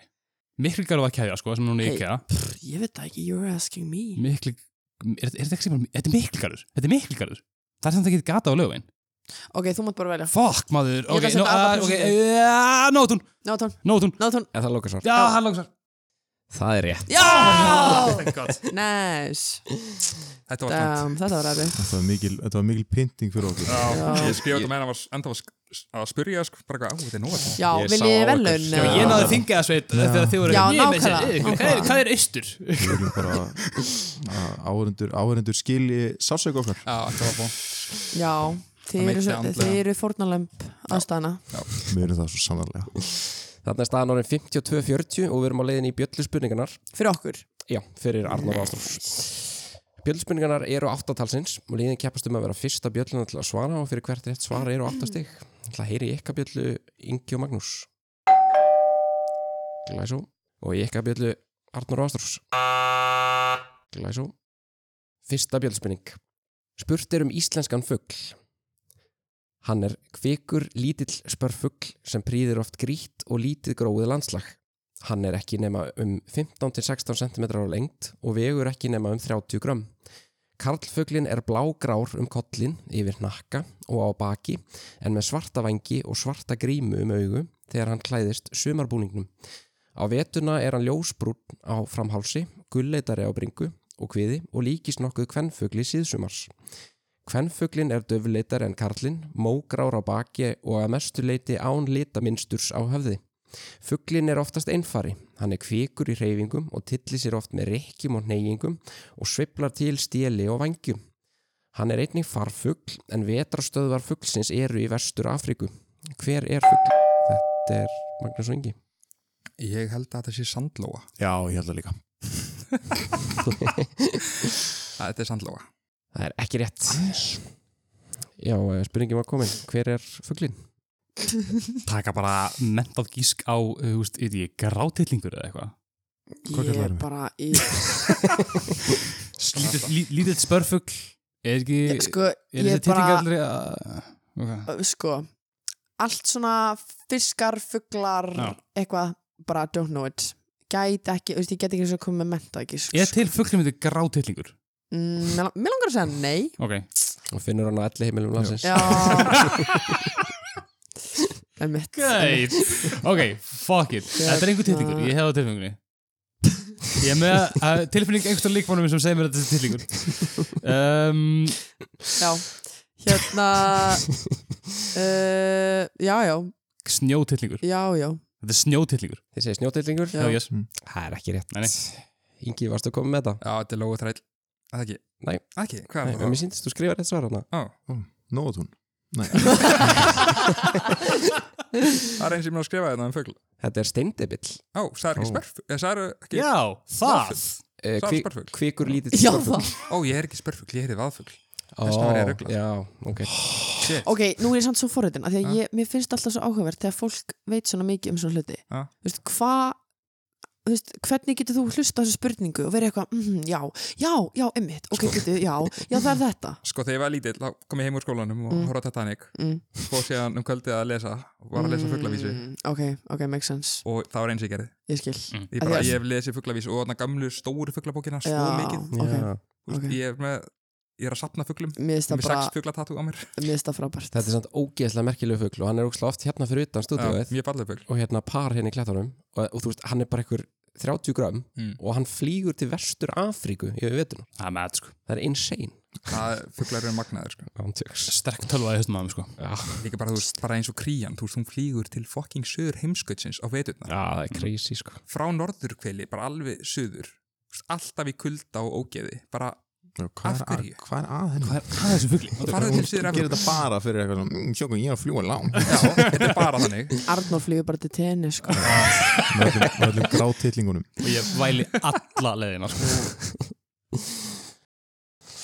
Fyrir mig aðra bjöldspurningu Hér er aðsend spurning frá okkar allra besta hlustanda Valda sem hefur verið að senda inn ansi frábæra spurningar undanfarið Endilega, góða hlustendur, látið ykkur dett í hug ykkur, ykkur skemmtilega spurningar og sendið á heimasíðun okkar trivialegani.net og við reynum að koma þeim í einhverja þáttana En já, hér kemur spurningin Reykistjörnur sólkerfisins eru áttatalsins en hve margar þessara átta reykistjarna eru lögleg mannanöfn íslenskra Þetta eru Ástrós og Arnur Mars Mars Venus Held ég, við veitum hvað það er lögulegt mm, Er það mögulega bara Mars? Getur þessi bara Mars, sko Það er ekkert að- það er ekkert að þetta jörð Nei, emmitt Það er ekkert að þetta, þú veist Já, er hægt að heita jörð? Nei, nei, nei, nei, nei Þú getur Ok. ekki heitið, þú veist En Ég ég myndi held að alveg- það sé bara Mars Já, Ég held að Venus sé ekki nafn lögulegt, sko Mm, Nei Við ætlum að segja að það sé eitt Eitt Ein reikistjana Já, Það er ekki rétt. damn it Ég klára spurninguna. Hve margar þessara átta reikistjarna eru löguleg mannanöfn, íslenskra drengja og stúlna samkvæmt mannanöfna nefnd? sko, Ég- Mars er 100% Mars er 100% Ég Já. held að sé hægt að heita, þú veist ég held að sé, Júpiter og Neptun ég veit ekki með Neptunus en ég hugsa að Júpiter sé hægt Já Það er Ég úrst að vissi ég var finna að gera upp á milli þeirra Ég, það er sem ég er að hugsa Þú mátt þetta Nei. júpa þér en sko, ekki jörðin, ekki jörðin, klárlega Eh, Ah, ekki Nei, jörðin jörðin er ekki Mér En það er, þú veist, þetta er allt bara nöfn já, mér finnst þessu hert Merkurius, Já það verður kúlnafn þú veist, En ég segi þetta hérna líka bara já, ég ekki bara segja það bara, ef að segja allt bara Sjö en Saturnus, Já Miss, ok ég segja bara sjö, Allt eða ekkert Nefn, ekki, Allt nema ekki jörðin. Uranus Uranus Jú, ég, ör- jú, ég segi allt Sjö, jú, ég myndi bara segja allt Já. með jörðin, sjö, sjö, síben fuck it Þið segir sjö, sípen, sípen, það er ekki heldur rétt. Ah. En þið eru aðeins nærir. Þetta eru fimm. Það má heita Merkur, Venus, Mars, Uranus og Neptunus. Mhm. Mm. ekki Júpiter og Saturnus Það er magnað Það Why? er fucking magnað það vill ekki vera Það kallar er- gasrisi sko. En alltaf að hafa þá ekki bara eitthvað að gera með þú veist fallbeiginguna eða eitthvað Já, Eitthvað getur verið. svona falli illa að Eða bara geða þetta mat Já ekki spyrja af hverju eitthvað má í mannana þannig Eða þá að þau bara svona hengdu upp mynd af öllum reikistjörnunum og bara köstuðu pílum Já, Já. Já, hvað má að ég koma held að gera allt annað sko. Já, þú veist. En já, við förum í þriðju bjöldspurningu. Spurtur um leikfang. Walter Frederick Morrison, sem var skapari þess, fættist árið 1920 í Utah í bandarækjunum, en 19 ára gamall fekk hann hugmyndina að leikfanginu þegar hann var að fýblast með umbúðir af matvöru nokkuri með kærustu sinni. Leikfangi var þó ekki að veruleika strax, en hugmyndin af því lifði áfram með Walter. Þegar stríð braust út í Evrópu svaraði hann herrakallinu, gekk til liðs við bandaræska flugherrin og flög 58 herrlæðingra á P-47 Thunderbolt orustuflugvel. Hann var þó skoti niður yfir Ítalíu í einum leiðangra sinna og handsamaður af þjóðverum sem fluttu hann í Stalag 13 herfangabúðanar í... Þetta er Magnús Ungi. Sko, nú er ég með þetta við uh, Back to the Future 3 Mm. þar sem þá er vissulega ekki 1920 en þá gerir hann frisbee úr kökudisk Já, ég var að hugsa það sama Ég sko. hugsaði- Mega- það var fyrst sem ég hugsaði einmitt úr umbúðum, það make a sense já, þetta er, já, þetta, þetta var til á veit ég á svipum tíma Ég segi Frisbee, svifdiskur frisbee diskur á einsku frisbee Þetta var ansið vel gert því þetta er rétt. Þetta er frisbee, ég átti eftir að segja heilmikið hann. Uh, hann var semst þegar hann lest 2010 þá var hinst áskinnans að hann erði gerður af frisbee og fjölskyldan hans virti það og hérna ös- öskun hans var breytt í frisbeedisk. Ég er með Dedication Já. Það er Dedication frábært. Leigjaði honum diski alveg. hérna frisbeegolf töskunum minni sko. Já. Fiskin úr honum Já, vá þegar, þegar ég degi þá vel ég að það verði gerður peskall úr mig Ah. Þannig að mingiði munin Magnús Ingi, staðan er 52-48 fyrir Arnór Ástrós, þetta er nýfjönd. Við fyrum í fjörðu bjöldspinningu. Hvaða íslenska myndhöggvara er listasafnið tilhengað sem stendur við Sigtún í... Þetta er Arnór Ástrós. Þetta er ásmöndur Já, ekki Jú, Jú. En nú, sko, ég ruggla alltaf Óguð Býtu, þetta er Ásmundur Svinsson Ásmund, já, Ásmund, Ásmund, Ásmund. Ásmundur Svinsson Það er rétt, þetta er Ásmundur Svensson Ég og þetta fór- er Ásmundarsafn. Ég fór á þetta sabra síðasta sunnudag Næs Ég ætla að vinna alþingin í eitthvað Ásmundur innat Ásmund Já, emitt, emitt, emitt Næsta spurning, kom með það Já, Hvað þetta er- gerðist í Sigtúni? En var spurningalega geðvitt lengi eitthvað svona Nei, hún var bara komin sko. Nú, já, ok Þetta er læða Við förum í fymtu bjöldspurningu og staðan er 60-48 fyrir Ástrós og Arnóri. Ronald McDonald, lukkudýr McDonalds, skyndibitakeðunar, rekur uppruna sín allt aftur til ársins 1963 þegar hann byrtist bandarækjumönnum í fyrsta skipti í sjónvasauðlýsingum. Samkvæmt McDonalds býr hann í hinum skáldaða heimi McDonaldland á samt vinum sínum Mayor McCheese, The Hamburglar, Grimace, Birdie the Early Bird og The Fry Kids. Árið 2014 tilkynnti McDonalds að trúðurinn vinsæli hefðu stopnað Twitter aðgang og yrði ekki lengur klættur sinum íkoniska gula samfesting, heldur yrði framvegis í gulum buksum, vesti og rauðum blazer yfir. Það sem helst hins vegar óbreytt við búningin voru hanskarnir sem voru áfram í sama lit og þeir hefðu alltaf verið. En hvernig voru... Þetta er Ingi og Magnús. Hanskatnir voru, hvernig var litin? Eru þeir ekki r- Ég hugsaði það, rauðir? ég hugsaði Rosa. það líka En maður hugsa náttúrulega líka hvítir sko samt, já, en þú veist þegar hann er að halda á eins og frönsku gæðinum verður það ekki frekar að vera gult eða hvít, þú veist svona kontrasta við það Jú, Nei, þetta er rauðir hanskar eh, já, Var ég, ekki, ég held að segja það jú, rauðir hanskar Ég ætla að segja rauðir. Já. Það er ekki rétt. red. Mm. Ég klára spurninguna. Uh, voru áfram í sama lit og þeir hefðu alltaf verið. En hvernig eru hanskar Ronalds McDonald á litin? Mér langar að segja gulis Af því ég Já. er sammála, þú veist, það að halda á rauðum Rauðu Mhm. frölubóksinu, skilur Já, og líka ég held að þeir hefði ekki verið gerður hvítir af því það er einhvern veginn, það væri ekki nóg mikið eitthvað svona Nei. tengt við hann sko.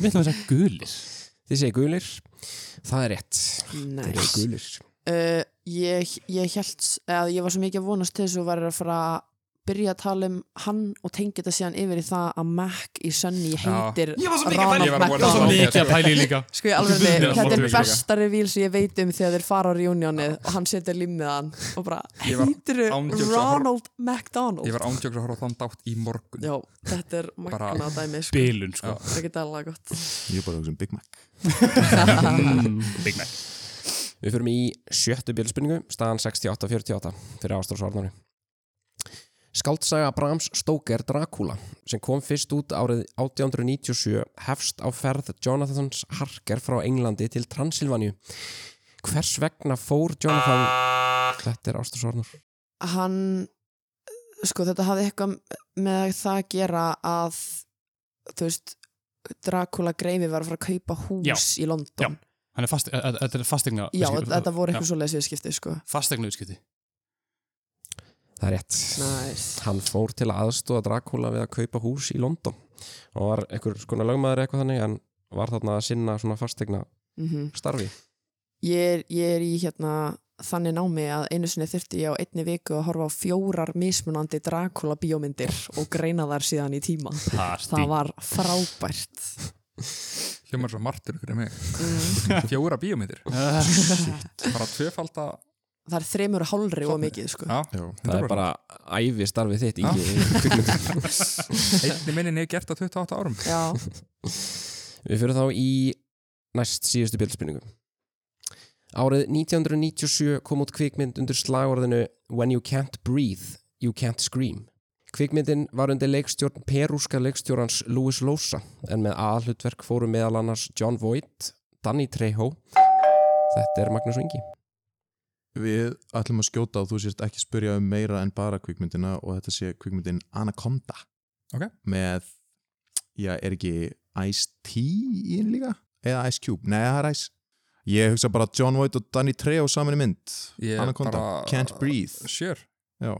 Anaconda Jen- Jennifer Lopez Anaconda er Nei, hún svo hvað slanga hérna, mjög Já, stór Rísa slanga Þetta er hárétt, vel gert Mjög vel gert, takk. Eh, Þetta er einmitt, þarna vantaði í listan Owen Wilson, Ice Cube og Jennifer Lopez Já, Ice Cube og myndin fekk ekki góða dóma uh, hún, fekk, What? hún fekk 11 Golden Raspberry tilnefningar og þar á meðal fyrir versta leikstjóra en þrátt fyrir þetta þá lifir myndin áfram sem svona kvöldmynd og í, í hjörtu margra mér finnst að gegja slagar when you can't breathe, you can't scream Og þetta er bara hár rétt smá vísindi fyrir börnin Já Don't try this at home krakkar samt þarna minkið munin í 76-56 Magnús Vingi og við förum í síðustu bílspilningu Nú á dögunum í februar 2024 vann Lauveilín Bing Jónsdóttir Grammy velun og var þar með annar íslenski sólálistamæðurinn í sögunni til að vinna þau velun á eftir Hildi Guðnadóttur. Í heldina er Laufey áttundi íslendingurinn til að vinna velunin en aðrir, líkt og til dæmis Steinar Höskuldsson árið 2003, unnu velunin sem hluti af starri held. Fyrsti Íslendingurinn til að vera tilnæmdu til velununa var tilnæmdur árið 1994 en hlaut velunin því miður ekki. Hvaða Íslendingur er það sem var... Þetta er Magnús og Ingi. 94, 94 uh, þá hugsa ég bara þú veist, Björk eða eitthvað svo leiðis Já 94 Já, já Eru við ekki bara að skjóta það? Jú, segja bara Björk Já, Björgumstóttir Já. Okkar fremsta kona Já, Þetta er að segja Björk. Já. Já. Það er rétt. Yes. Hún hefur verið tilnæmd 16 sinnum, en aldrei unnið. Og uh, Ólafur Arnalds, Jóhann Jóhans og Sigur Rós hafa líka náttúrulega verið Eh, tilnæmd. Þetta er bara skemm En svo fekk líka hérna Dísela Lárusdóttir, Já, hún líka. fekk Grammy fyrir nokkrum árum. Einmitt. Það eru nokkri hérna sem voru uh, ekki soloartistar. og unnu. Já, já, já, einmitt, hún var í svona hópi. Já. Uh, þarna mingiði munin 76 64 Vá og við erum á leiðinni í textabókina ófag það var komið, fuck. að, Þú er að næst, draga mig þar sko það var komið að næst síðasta lið kemnar sem er textabókin liðin fór sikkur án textabútin og frægu erlendu lægi sem hefur verið hrottalega slátrað og fært yfir á íslensku af Google Translate fyrir annarkvort réttan titillags eða réttan flytjanda fást 8 stig en fyrir bæði fást 12 stig ég ætla að leifa ykkur að velja Arnur Ástrós, viljið þið textabóka A eða B? Við byrjum bæði á A Þannig tökum B Uh, bæði vittlist, en ok. Ég ætla að taka B Já, þú veist Ég- Já, ég, ég, er bara, ég er bara til. Þú þú veist e, og hefst þá lestur. Hún getur drepið með brosi.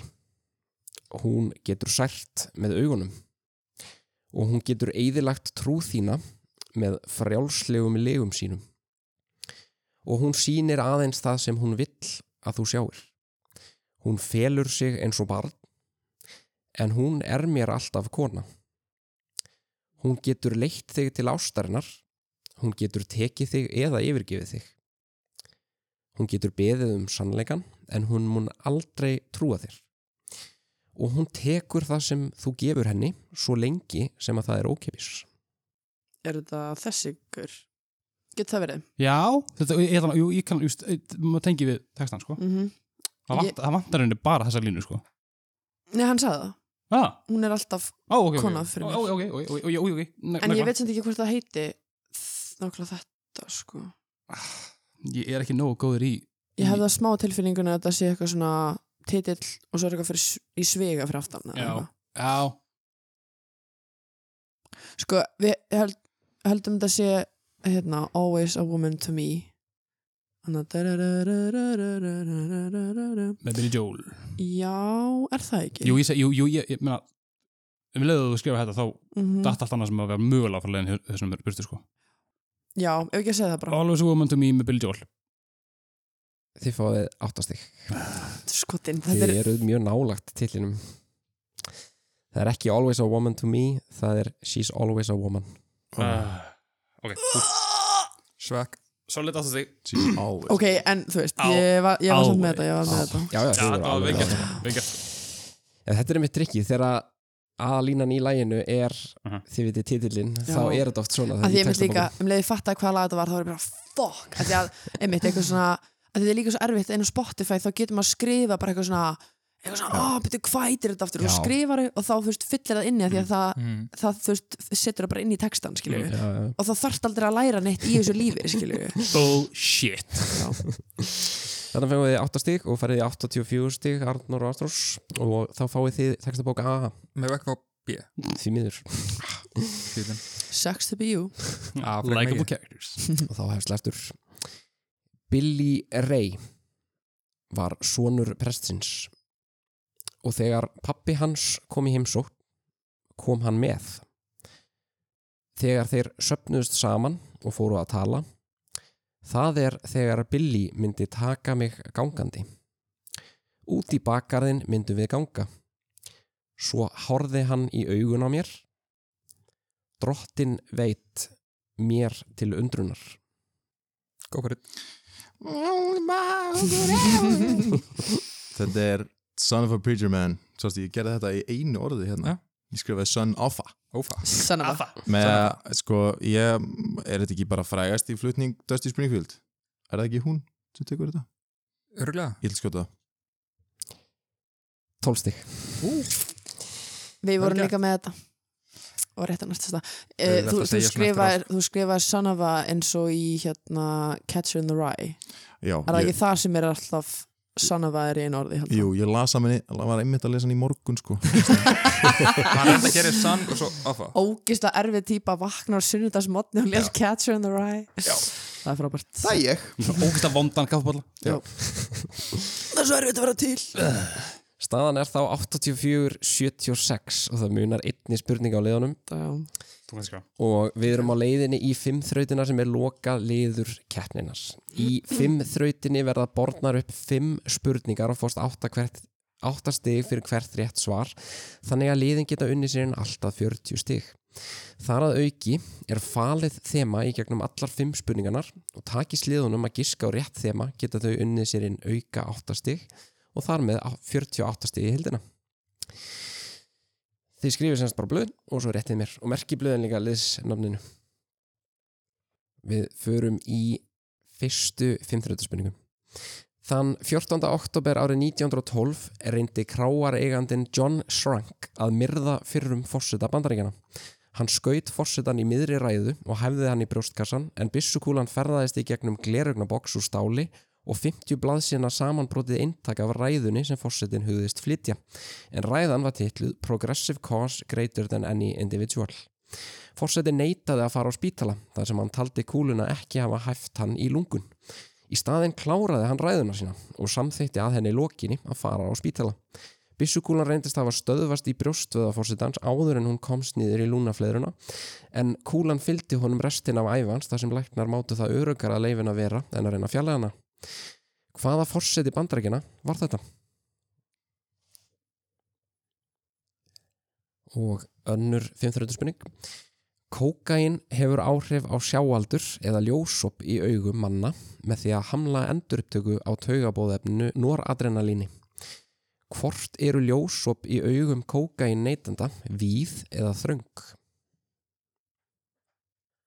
Og þriðja 530 spurning Spurtur um borg Hún er ein af fjölmennustu borgum bandaríkjana en þar búa um 2,7 miljónir manna á landsvæði sem nemur um 607 ferkilometrum. Í borginni er að finna meðal annars hafnaboltavöllin Wrigley Field og flugvöllin O'Hare International Airport sem er einn af sex umferðamestu flugvöllum heims. Borgin er einnig ein forra borgabandarækjana sem hafa L-lest eða það er að segja lest sem ferðast á upphækkuðum teinum yfir götum borgarinnar. Hver er borgin? Og fjóruða að finnur spurning. Kvikmynd nokkur frá árinu 2015 undir leikstjórn Alejandro G. Iñárritu vann þrjú Golden Globe velun, fimm BAFTA velun og þrjú Oscars velun. Það er á meðal fyrir besta leikstjóra, besta leikari í aðhluturki og bestu kvikmyndatöku. Handritið var byggt á skáldsögu frá árinu 2002 eftir Michael Punk sem fjallaði um ferðamannin og loðdýrafangaran Hugh Glass og ævintýri hans árið 1823 í Missouri í bandarækjunum. Hvaða kvikmynd er þetta? Og fimmta, fimmtröndu spurning fjall nokkurt í Evrópu er talið hafa orðið Theodor Tobler innblásturinn að lögun súkulaðsins Toblerón en einkennilega þríhinda lögun þess er talin hafa komið þaðan hvaða fjall er þetta? Þema Sko bara eitthvað svona það var, það var einhver stemming sem ég Ok. fekk Gæða maður, en það er mjög random það er samt sjúklega fyndið Ok Ok. Af því að líka þú veist það gæti svo mikið komið fyrir Já, þar akkurat, skilur við að það akkurat, gæti alveg verið sko Ok, skilja þessu uh, Moment of truth Moment of truth Hvað er þetta mörg stig aftur í heldina? Það er hægt að fá 48 stík Þetta eru 48 steg á okkur Easy Tja Tja Tja Herrum, við rennum yfir þetta Yes yeah. Fyrsta spurningin, hvaða forseti var skotin og kláraði ræðuna sína? Bæði lið segja Teddy Roosevelt og rétt svar er Teddy Roosevelt. Önnur spurningin, hvernig eru sjáaldur þeirra sem eru að nota kókain, eru þau víð eða þröng? Bæði lið segja víð og víð er rétt svar. Mikla reynslu Já, hérna það segja lítur ekki vel út fyrir okkur að, að vita þetta sko Við erum kortir í bráðabanna hérna. Þið eru svolítið við hjá þér Daniel Þeir pælið því Þetta er insulínið, þetta er ekki kókain Þriðja spurningin að vera að spyrja um borg í bandarækjunum Bæði lið segja Chicago Hættu og Chicago er rétt svar Þetta er að fara Nú meðum fara að tromma flöðu Já, heila sko Fjórða spurningin var spurt um kvikmynd sem vann eða sérst frá 2015 sem vann þrjú Óskarsvölun uh, þrjú Golden Globe og fimm Baftavelun Bæði lið segja The Revenant Jæja og The Revenant er rétt svar Síðasta spurningin í fimmþrautinni er fjall nokkurt í Evrópu Bæðið liðið segja Ástrós og Arnór segja Matterhorn og Ingi og Magnús segja Mont Blanc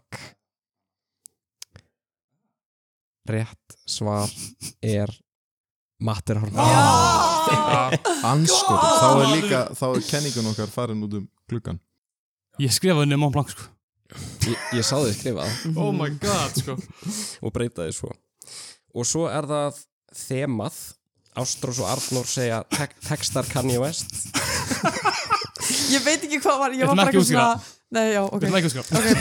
No explanation needed No further questions og Magnús og Ingi segja hvít eða hvítur Já hvort er rétt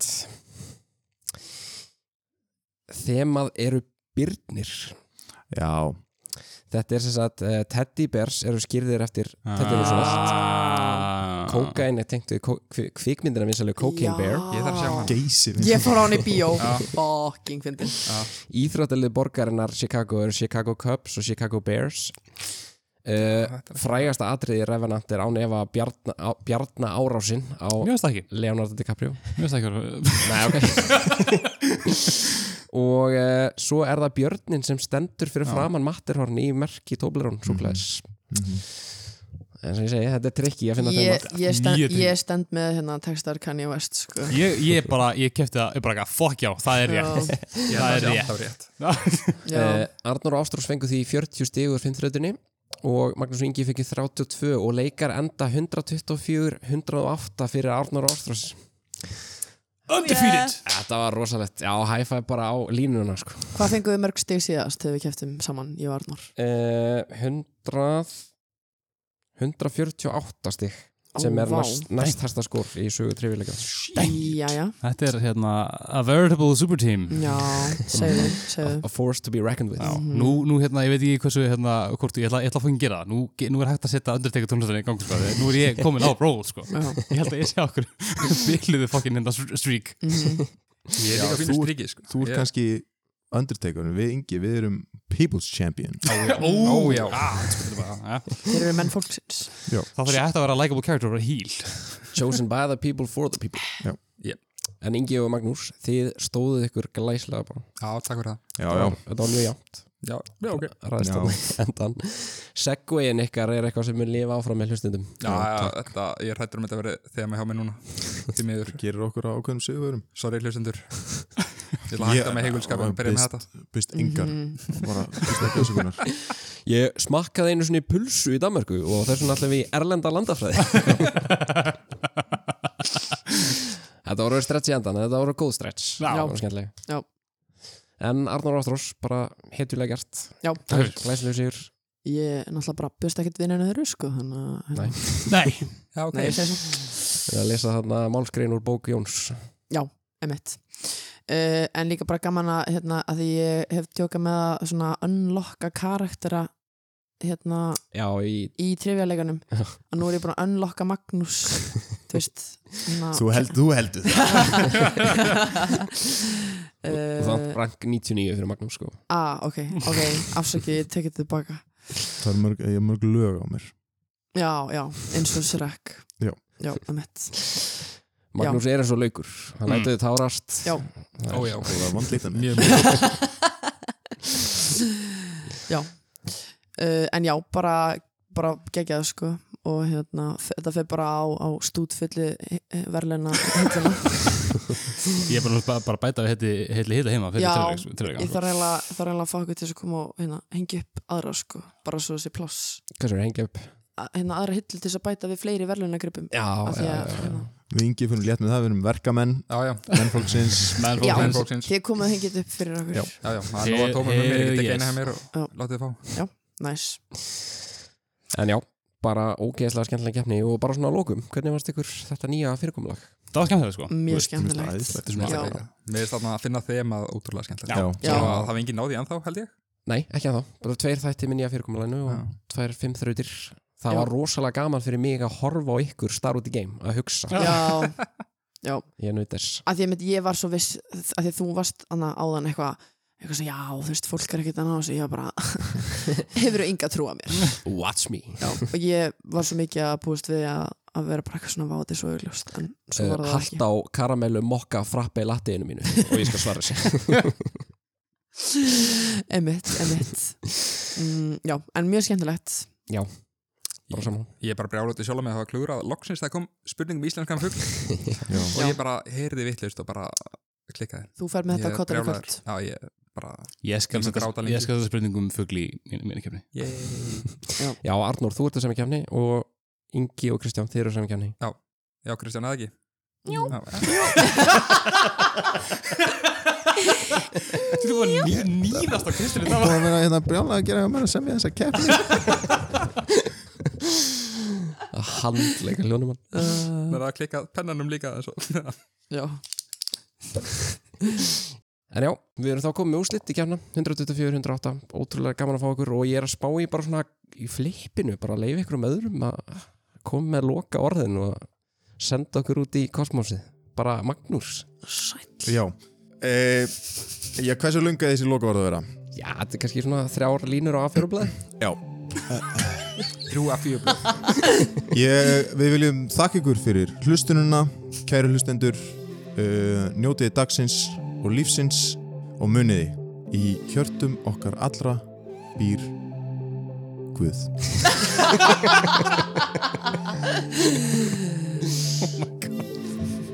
og fóla okkur á Instagram Hefðu sér